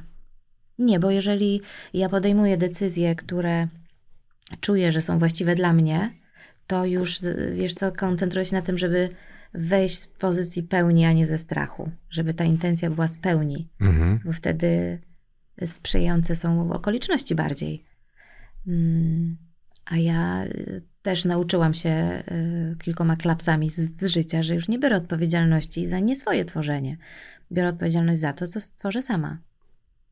Jak podchodzisz do medycyny estetycznej? To jest bardzo interesujące. Interesujące to jest dla ciebie? No mega. Dlaczego? Dlaczego? No dlatego, że jesteś atrakcyjną kobietą. Powiem to już dziesiąty raz, żeby to podkreślić, więc tym bardziej interesuje mnie twoje podejście do tego, jak ty patrzysz na medycynę estetyczną. Patrzę tak, że bronię się rękoma i nogami. Mhm. E, staram się, nie, po prostu wybieram cały czas naturalne sposoby wspierania e, swojej kobiecno, kobiecości, fizyczności. Mhm. E, aczkolwiek widzę zmiany, które następują. Jedne lubię, inne nie. Mhm. Ale godzisz się z takim przemijaniem? A pff, co ja mam do gadania? Z kim, z kim ja mam ponegocjować w tej sprawie? Wiesz co, no nie godzę się w tym sensie, że nie odpuszczam sobie. Mhm. Cały czas ćwiczę jogę, dobrze się odżywiam, jakby dbam o siebie wszystkimi metodami, w które wierzę, że mają sens. E, ale no wiesz, zawsze chciałabym wyglądać pięknie i, i świeżo i, i żeby te, to, to moje, ta, ta moja taka młodzieńcza radość, która jest w sercu, też była widoczna na zewnątrz. Mm, Więc na razie mam taki etap, że e, cieszę się tym, co jest, Mhm. a dalej zobaczymy. No, spróbuję, spróbuję wytrwać. Ale bo, to, bo tak powiedziałeś, jakby to było coś złego. Mi się wydaje, że to jest po prostu już e, taki element naszej codzienności ludzi, że już jakby to jest pewnego rodzaju wybór. O, tak bym to... Ja mam po prostu wewnętrzny trochę konflikt z tym i dlatego nie, nie mówię, że to jest coś złego, tylko jakby obserwuję to, co się dzieje, obserwuję też różne postawy. E, bardzo mi zawsze blisko do natury. Em, ale no wiem, że teraz jest mnóstwo możliwości, wiesz, bo mnie się to kłóci, wiesz, w jakim sensie, że ja bym chciała rzeczywiście żyć w tej akceptacji, w Mhm. którą bardzo wierzę. I myślę sobie, że jak zacznę majstrować przy swoim wyglądzie w sztuczny sposób, to że to będzie trochę przeciwko tej mojej filozofii. I to się we mnie jeszcze zmaga tak wewnętrznie, wiesz? No mnie to zastanawiało, bo wydawało mi się, że ty nie korzystałaś nigdy, ale mnie bardzo łatwo oszukać w takich kwestiach, ja się kompletnie nie znam. Więc, Też się nie znam, bo więc bardzo, wiesz, bardzo znasz łatwo, się, jak zaczynasz doświadczać. bardzo nie? łatwo mi powiedzieć, że ktoś czegoś nie robił, a ja mówię, no jasne, że nie robił, no bo mi powiedział, że nie robił, a potem się okazuje, że jednak e, coś robił, Mhm. więc na tym się nie znam, ale też to mnie zastanawiało właśnie w twojej perspektywie, bo wydawało mi się to wszystko raczej naturalne u ciebie. No. I, a z drugiej strony właśnie jeden, godzenie się na przemijanie, a druga sprawa właśnie to, że jak się ma taką urodę i się do niej bardzo mocno przywyknie, Mhm. to czy właśnie razem z wiekiem nie, nie boi się tej jakby tego utraty tej atrakcyjności. tej świeżości takiej. Y, wiesz co, świeżość tak, atrakcyjność, y, no właśnie zależy. Jeżeli przyzwyczajasz się do swojej. A ona się często staje atrybutem i to bardzo piękna, dużym. To jest okej, ale jeżeli opierasz całe poczucie wartości na tym, to jest niebezpieczne, bo wtedy już desperacko, jest niebezpieczeństwo, że desperacko zaczniesz tego bronić, nie? I ja Mhm. dzisiaj się, wiesz, swojej kobiecości wyrażam na wiele różnych sposobów, nie tylko wyglądem swoim, dlatego y, myślę, że do desperacji mi jeszcze daleko. Ale nie jestem takim typem, który ci teraz powie: Słuchaj, nigdy w życiu nie użyję, nie spróbuję nawet, Mhm. bo nie wiem, czy nie spróbuję. No albo czy już nie spróbowałam, no. Nie, na razie jest, y, to, Okej. to, na razie mój wygląd jest naturalny, ale, ale wiesz, no zmienia, zmienia się ta skóra, buzia. No, no jest inaczej niż było. Czasami na zdjęciach widzę na jakimś filmie, myślę, cholerka, tego jeszcze wcześniej nie widziałam. To jest taka zmiana, do której musisz się przyzwyczaić. I Mhm. tak im bardziej jesteś uczciwy w stosunku do siebie, uczciwa, wyobraź sobie, Mhm. że jesteś kobietą, bo wy trochę inaczej nie przywiązujecie do tego tyle wagi, prawda? Sam to stwierdziłeś. Mm, chociaż nie, znam też wielu mężczyzn, którzy, którzy wyrażają swoje niezadowolenie w związku ze zmianami mhm. fizycznymi. Tak, tak. Właściwie to już nie jest tak, że tylko kobiety. Wszyscy dzisiaj chcą się podobać, no co? Mhm. A ty nie chcesz? Jasne, że chcę, dlatego jak najbardziej pokazuje się z każdej możliwej strony, No żeby po widzisz. prostu tą atrakcyjność e, wypuklić. Pogadajmy o energii, bo to jest bardzo ciekawy temat Proszę w bardzo. twojej kwestii. Bardzo mi się spodobało to, że czytasz horoskopy i wierzysz w nie dopiero wtedy, kiedy jest napisane coś miłego albo coś, co może się wydarzyć pozytywnego w twoim życiu. No pewnie. Ale z przymrużeniem oka czy, czytam te horoskopy. Y, W ogóle tak bardzo wierzę, że jesteśmy kreatorami swojej rzeczywistości, że opieranie się na tym, że ktoś coś ci przepowiedział, jest, y, wiesz, odb- odbieraniem sobie tej mocy. Proszę cię, ja słyszałem historię o tym, że zakopywałaś pieniądze na cmentarzu. O, do, do mnie to jeszcze nie dotarło, słuchaj. Masz niezłe źródełka. Pieniądze, no nie, że lubi, lubisz chodzić do No Nie, wróżek, jakbym- to słuchaj, prawda. Jakbym miał już zakopać kasę, to na pewno nie poszłabym na cmentarz, przecież tam się umiera. To znaczy, tam się już nie żyje, generalnie. No, ale może tam po prostu nikt, nikt A tego co nie zabierze. wynika z zakopywania Nie mam, cmentarzu? nie mam pojęcia, ale lubisz chodzić do wróżek. Nic z tych rzeczy. No proszę cię, przecież nawet to w jednym z wywiadów powiedziałeś, że chodzisz do wróżek. Słuchaj, miałam taki czas, ale miałam też tyle dowodów na to, że czasami, wiesz, to, to, to pewnie ludzie stają na drodze, żeby wesprzeć pewne rzeczy. Pe- Pewne, jakby, żeby ciebie wesprzeć, zależy od tego, Mhm. czego potrzebujesz. Kiedyś miałam takie mm, pff, chodzenie do wróżek. Ja w ogóle pierwszy raz byłam od, y, u kogoś, kto zajmuje się energią, właśnie dlatego, że życie postawiło tego człowieka na mojej drodze. Byłam w tramwaju, wracałam z zajęć tanecznych, dzwoniłam do przyjaciółki, byłam w kompletnej rozsypce. Zastanawiałam się, jak mam sobie pomóc, bo po prostu coś na kształt depresji mnie dopadło, Mhm. z czego nie do końca zdawałam sobie sprawę. Opowiadałam jej po prostu, jak się czuję, i wtedy poczułam, jak ktoś kładzie mi rękę na ramieniu. Odwróciłam się, to był młody chłopak, który powiedział do mnie: Myślę, że mógłbym ci pomóc. Jeśli mi zaufasz, to wysiądźmy i pogadajmy chwilę na przystanku. No i rzeczywiście y, zaufałam mu, Mhm. porozmawialiśmy wtedy chwilę i y, polecił mi swojego przyjaciela, który miał te, wtedy taki niesamowity dar w- jakby mm, czytania poziomu energii i, i, i wspierania ludzi we właściwych, wiesz, Mhm. we właściwym e, korzystaniu z potencjału energetycznego, który jest. No i to właśnie było po, po mojej, po zakończeniu relacji, wiesz, toksycznej w moim życiu i dowiedziałam się, że jestem w agonii energetycznej i że dziewczyno, klapsa i trzeba wracać do, do życia, no. I to Mhm. była moja pierwsza sty- styczność z takimi osobami, więc no wiesz, to nie jest kwestia, że jestem nawiedzoną lolą, która szuka wróżki, która jej powie, co w życiu ją spotka. Ale czy ja nazwałem cię nawiedzoną Tylko lolą? nie, ja, ja sobie tego, z, te- z tego teraz tak drwię, bo myślę, że wiesz, że przes- przesada w, żadnej, w- żadnym kierunku nie jest dobra, ale na przykład wtedy wiem, że ta, ta osoba nieprzypadkowo stanęła na Mhm. mojej drodze właśnie dlatego, że potrzebowałam pomocy, po którą raczej bym nie sięgnęła, bo nie, był, nie miałam w zwyczaju. Ze wszystkim postanowiłam poradzić sobie w życiu sama. A To nigdy nie, nigdy nie byłaś na terapii? Nie. A pomyślałaś kiedyś, że mogłaby ci pomóc? Nie. Nie. Nie, ale y, mówię to specjalnie z taką miną, nie dlatego, że uważam, że nie jest pomocna, bo uważam, że wielu osobom może Mhm. pomóc, tylko ja miałam w sobie taki, taką niezgodę, niezgodę, że z czymś miałabym sobie nie poradzić sama i zawsze szukałam narzędzi do tego, żeby to z, robić samodzielnie i tak trafiłam Mhm. do Szkoły Świadomego Tworzenia, Tworzenia, gdzie nauczyłam się właśnie me- medytacji na 10 poziomach podświadomości. E, I tą metodą e, rozwijałam swoją świadomość. E, Mhm. Bardzo się ze sobą, wiesz, no najpierw poznałam siebie dobrze, a później zakumplowałam i to, to super zaowocowało w moim życiu. Ciężko było się samej ze sobą zakumplować? No nie, na początku to jest, wiesz, spotkanie z, z demonami, z wszystkimi, to jest tak, że jest przerąbane. Nie jest to prosta sprawa, ale warto, no. Dużo tych demonów? Wiesz co, niedużo, ale silne skurczybyki były. Wiesz, taka Zosia Samosia też wcale nie ułatwia życia, że nie potrafisz przyjąć pomocy od nikogo, że masz w sobie taki bunt na to, że jak czegoś nie dostałaś w życiu, to znaczy, że tego nie potrzebujesz i sobie poradzisz bez tego. Mhm. A tam w sercu naprawdę jest taka potrzeba, no nie? I najpierw musisz ponegocjować z tą stroną buntowaną w sobie, żeby się na to zgodzić, że, że ta potrzeba jest. Mhm. Później, że właśnie mm, możesz zaufać mężczyźnie i nie musisz kontrolować wszystkiego, bo naprawdę możesz uwierzyć, że on, że on jest fair. Że naprawdę poszedł na piwo z kumplem. No, na przykład.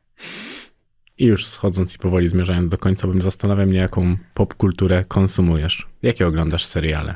Jakie oglądasz filmy? Jakiej słuchasz muzyki? Hmm.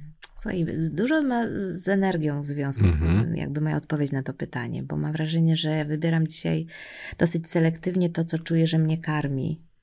E, I intelektualnie, i energetycznie, i tak Mhm. y, światopoglądowo. E, tutaj się czasem rozmijamy z Piotrem, bo on lubi. Ja lubię też oglądać dokumenty, bo to, to akurat jest nasza wspólna pasja. Ale na przykład nie rozumiem, jak można oglądać, wiesz, filmy, w których jest dużo agresji. Mhm. E, więc zdecydowanie wybieram takie, które są karmiące, niż. To jakie to Ja, filmy? jas, ja jasną stronę mocy wybieram po prostu. Ale jakie- jasna istnieje dlatego, że jest ciemno. No wiem. No tu jeszcze mam, tu jeszcze tej równowagi szukam. Jeszcze nie na wszystko się jestem w stanie zgodzić, ale pracuję nad tym. To jakie dokumenty oglądacie razem? Słuchaj, bardzo, bardzo uwielbialiśmy i ciągle do tego wracamy. E, o em, koszykarzach. Ostatni taniec. Ostatni taniec. Ostatni taniec jest po prostu taką skarbnicą mądrości. To jest chyba nasz ulubiony serial. To jest jeszcze jeden świetny o Wspólny. koszykówce, o legendzie Boston Celtics, e, który zdobył 11 pierścieni, 11 mistrzostw A i, to chyba Peter to oglądał, no. i od, to był pan, który walczył o równość rasową, Mhm, przez to, że miał pozycję koszykarską. Świetny dokument. mhm. Jeden z ważniejszych, które zobaczyłem, jeżeli chodzi o to, jak człowiek wykorzystał sport Mhm. do naprawdę dużych rzeczy. A jeżeli chodzi o muzykę, no muzyka powinna być ważna w twoim życiu. Bardzo dużo jest. Ale wiesz co, ja szukam takich, ja bardzo lubię z koncertów oglądać Mhm. relacje, bo to jest wtedy tak żywe, że ja jestem z nimi, ja, ja się tam przenoszę. I ostatnio na przykład natknęliśmy się na, na utwór, y, gdzie synowie Bob, Bo, Bobiego Marleya w Mhm. jednym utworze z Rianą. Słyszałeś ten utwór? Nie, Prześlę ci, taka będę fajna. Taka bądź prostu. fajna. Ale też wiesz, te koncertowe wersje, na przykład uwielbiam stary koncert Moloko. E, nie wiem, czy widziałeś taką czapkę, chyba w Sopocie on był, się odbył. E, w takiej czapce kapitańskiej ona tańczyła, e, ubrana w, w, w szaty takie zwariowane i, i, i tam, wiesz, panowie nawet kopulowali z różnymi sprzętami energetycznie, ale to było taki strzał energii. Wydaje mi się, że muzyka, wiesz, no, albo Que- Queen i jego koncerty, e, no, chyba, chyba te najbardziej energetyczne e, jednostki, które tak potrafiły Mhm. polaryzować taką ilość, taką rzeszę ludzi, to są, to są takie koncerty, do których najbardziej wracam. A Oglądałaś film o Queen? Tak, oglądałam. I jak? No, św- świetnie, bardzo mi się podobał. A o Elvisie? O, Tutaj mam wrażenie, że zszedł jego duch po prostu, żeby się, żeby wesprzeć głównego, bohaterów, od, głównego bohatera w odtworzeniu tej historii, tak jak zresztą Merlin w Blondynce. Mhm. No dla mnie to muzyka, ale jednak e, trochę brakowało mi brudu tych postaci. Wiesz co? Ale myślę, że to był o tym film, że to, Nie, no to wiesz, to nie pomniki. był do, doku, dokument, tylko o, o sile tej pasji. No i też ciemnej stronie tego oczywiście, ale, ale, ale ja, ja, się, ja się nakarmiłam tym. Dla mnie to był po prostu totalny, totalna moc w tym. Ja się po prostu dziele. boję, że jak e, zrobią film o Kurcie Cobainie, a wydaje mi się, że kiedyś powstanie, to że Mm. przedawkował APAP. I trochę się tego po prostu boję. tak? Aż takie masz wrażenie, że tak, to tak. było No proszę cię, no to było no, na pewno. Akurat jeszcze Elvis to już w ogóle. Pamiętasz, jak kończy się ten film? No, No, Pamiętam. jakby co jest przyczyną śmierci? Jakby trochę, Mhm. niestety ja bardzo lubię to, że te Mhm. filmy mają być prawdą. Te filmy też mają być pewnego rodzaju przestrogą. I to dużą przestrogą. Czyli brakuje ci tej autentycznej historii przyczyno-skutkowości i tego, Mhm. że to dla kolejnych pokoleń. Zespół Queen bawił się mnie, najprawdopodobniej gorzej od zespołu Phil z Polski. A, I to tak, że po prostu jak pokazuje się, jak wyglądało te życie, to zachowajmy proporcje, bo te proporcje pokazują, że na końcu jest meta i ona jest niezbyt przyjemna. Bo ci ludzie bardzo szybko poumierali. Ale nie No, pokazuje. nie, masz, nie masz tego wrażenia, oglądając to, że, że jednak ta przyczyna była w sposobie ich życia, takiego zakończenia? Nie czytałeś Tak, tego? ale to ja, ja to czytałem, ja to, hardkorowo. ja to czytałem, ale mam 31 lat. Wydaje mi się, że Mhm. dla ludzi, którzy mają trochę mniej wyobraźni i gdzie narkotyki i alkohol powinny być zdecydowanie bardziej spychane na margines i pokazywane, co one tworzą w rzeczywistości. Ty doskonale wiesz, co one Mhm. tworzą. Więc Tak, pomyśl sobie, rzeczywistość, no. pomyśl sobie teraz, czy widziałaś w tych filmach ten płacz i ten ból, który one powodują w rzeczywistości dla ludzi bliskich dookoła tego wszystkiego, co się dzieje. Nie wiem, czy to jest do odtworzenia. Ale nawet moim zdaniem nawet nie spróbowano. nie spróbowali. bo za mało było w tym szoku tego, co w rzeczywistości, jakie spustoszenie używki tworzą z życia i że na Prawda. końcu jednego i drugiego jest śmierć, przedwczesna śmierć wielkich, genialnych ludzi, którzy mogli zmieniać świat, gdyby żyli. Wielkich duchów, no. Dlatego po prostu zawsze mam takie coś, że jeżeli chcemy pokazać prawdę, to nie bójmy się pokazać bolesnej i trudnej prawdy i żeby, Żeby zaistniała pełnia po tak, prostu. żebyśmy po prostu pokazali tego rodzaju przestrogę, bo to jest przestroga na koniec. Mogłaby być. Tak. I dla No, mnie Czasem jest, czasem nie, masz rację. Czasami to nie jest. i czasami taki jest. wypolerowany pomnik pokazuje, że miał trochę pecha. Wiesz co, ciekawe jest to, y, o czym teraz rozmawiamy, bo ja e, mam świadomość, bo przeżyłam to w życiu naprawdę. Mhm. I być może dlatego nie czułam tego braku, bo ja to doświadczenie mam w sobie. Ciekawe, jestem, ciekawe jest to, że ty to wyłapałeś, że, że to tego ci tam brakuje, a ja nie. Może mam, wiesz, przepełniony zbiorniczek. Może no, tak. ale ty też miałeś przecież styczność z tego rodzaju historiami. I co jest najbardziej hardkorowe dla, dla ciebie, co powinno się znaleźć w tym filmie? Więcej płaczu bliskich ludzi. Więcej cierpienia, które Bliskich ludzi, to, ale bliskich wybierasz. ludzi. Tak, to co powodujesz tym Mhm. swoimi decyzjami. Że to nie jest tak, że zostajesz tym sam, tylko Mhm. ranisz strasznie tych dookoła. To jest tak jak są- z samobójstwem, Tak.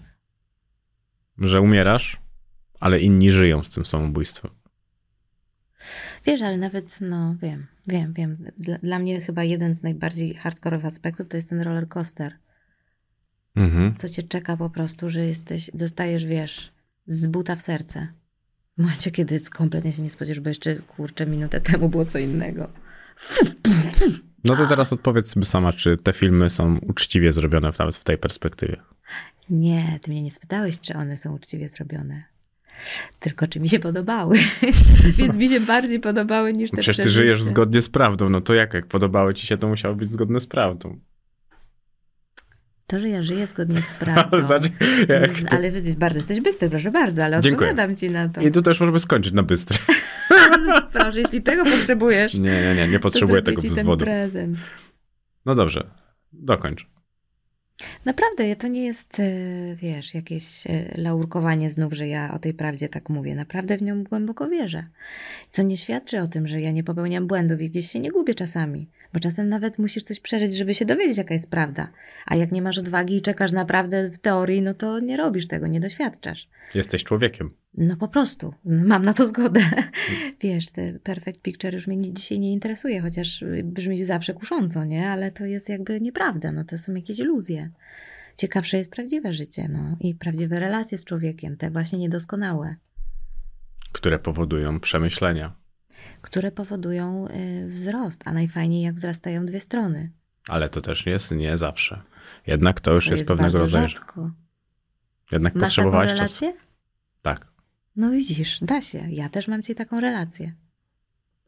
I to jest po prostu, wiesz, ostatnio sobie uświadomiłam, że ja w końcu, czy ja naprawdę, czy ja naprawdę zdaję sobie z tego sprawę, że mnie się ziścił mój wielki sen o wielkiej miłości. To, co kiedyś myślałam, że z innym mężczyzną za wszelką cenę desperacko w końcu stworzę. Wiesz, rozpieprzyło się jak, jak, jak domek z kart, a dzisiaj tak kompletnie z boku wszedł do mojego życia człowiek. Teoretycznie, wiesz, na przeszkodzie było bardzo dużo. I nagle się okazało, że my dzisiaj tworzymy taką relację, która jest dokładnie odpowiedzią na te potrzeby y, wymarzone, wymarzonego związku w moim idealnym świecie. Ja to dzisiaj stworzyłam i paradoksalnie właśnie nogami na ziemi. I to będzie najpiękniejsza puenta naszej rozmowy. Tak myślę, że to jest w ogóle najpiękniejsza puenta do, do przemyśleń, wiesz, że to prawdziwe, autentyczne życie jest z, spełnieniem. Jest spełnieniem. Już nawet nie, nie trzeba dodawać czego. Jest spełnieniem. Tylko to daje spełnienie. A zobacz, gdzie się zapędziliśmy jako ludzie. Ile stworzyliśmy po prostu fałszywych obrazków. Ile czasu i energii nas to zabiera, żeby to zasilać. Od, odciągając od prawdziwego życia. Gdzie- Co, co, gdzie my w ogóle się, gdzie my w ogóle się zapędziliśmy? Dokładnie, na Powiśle. Bardzo Ci dziękuję za dzisiaj. Miło było Cię poznać. Dziękuję wzajemnie.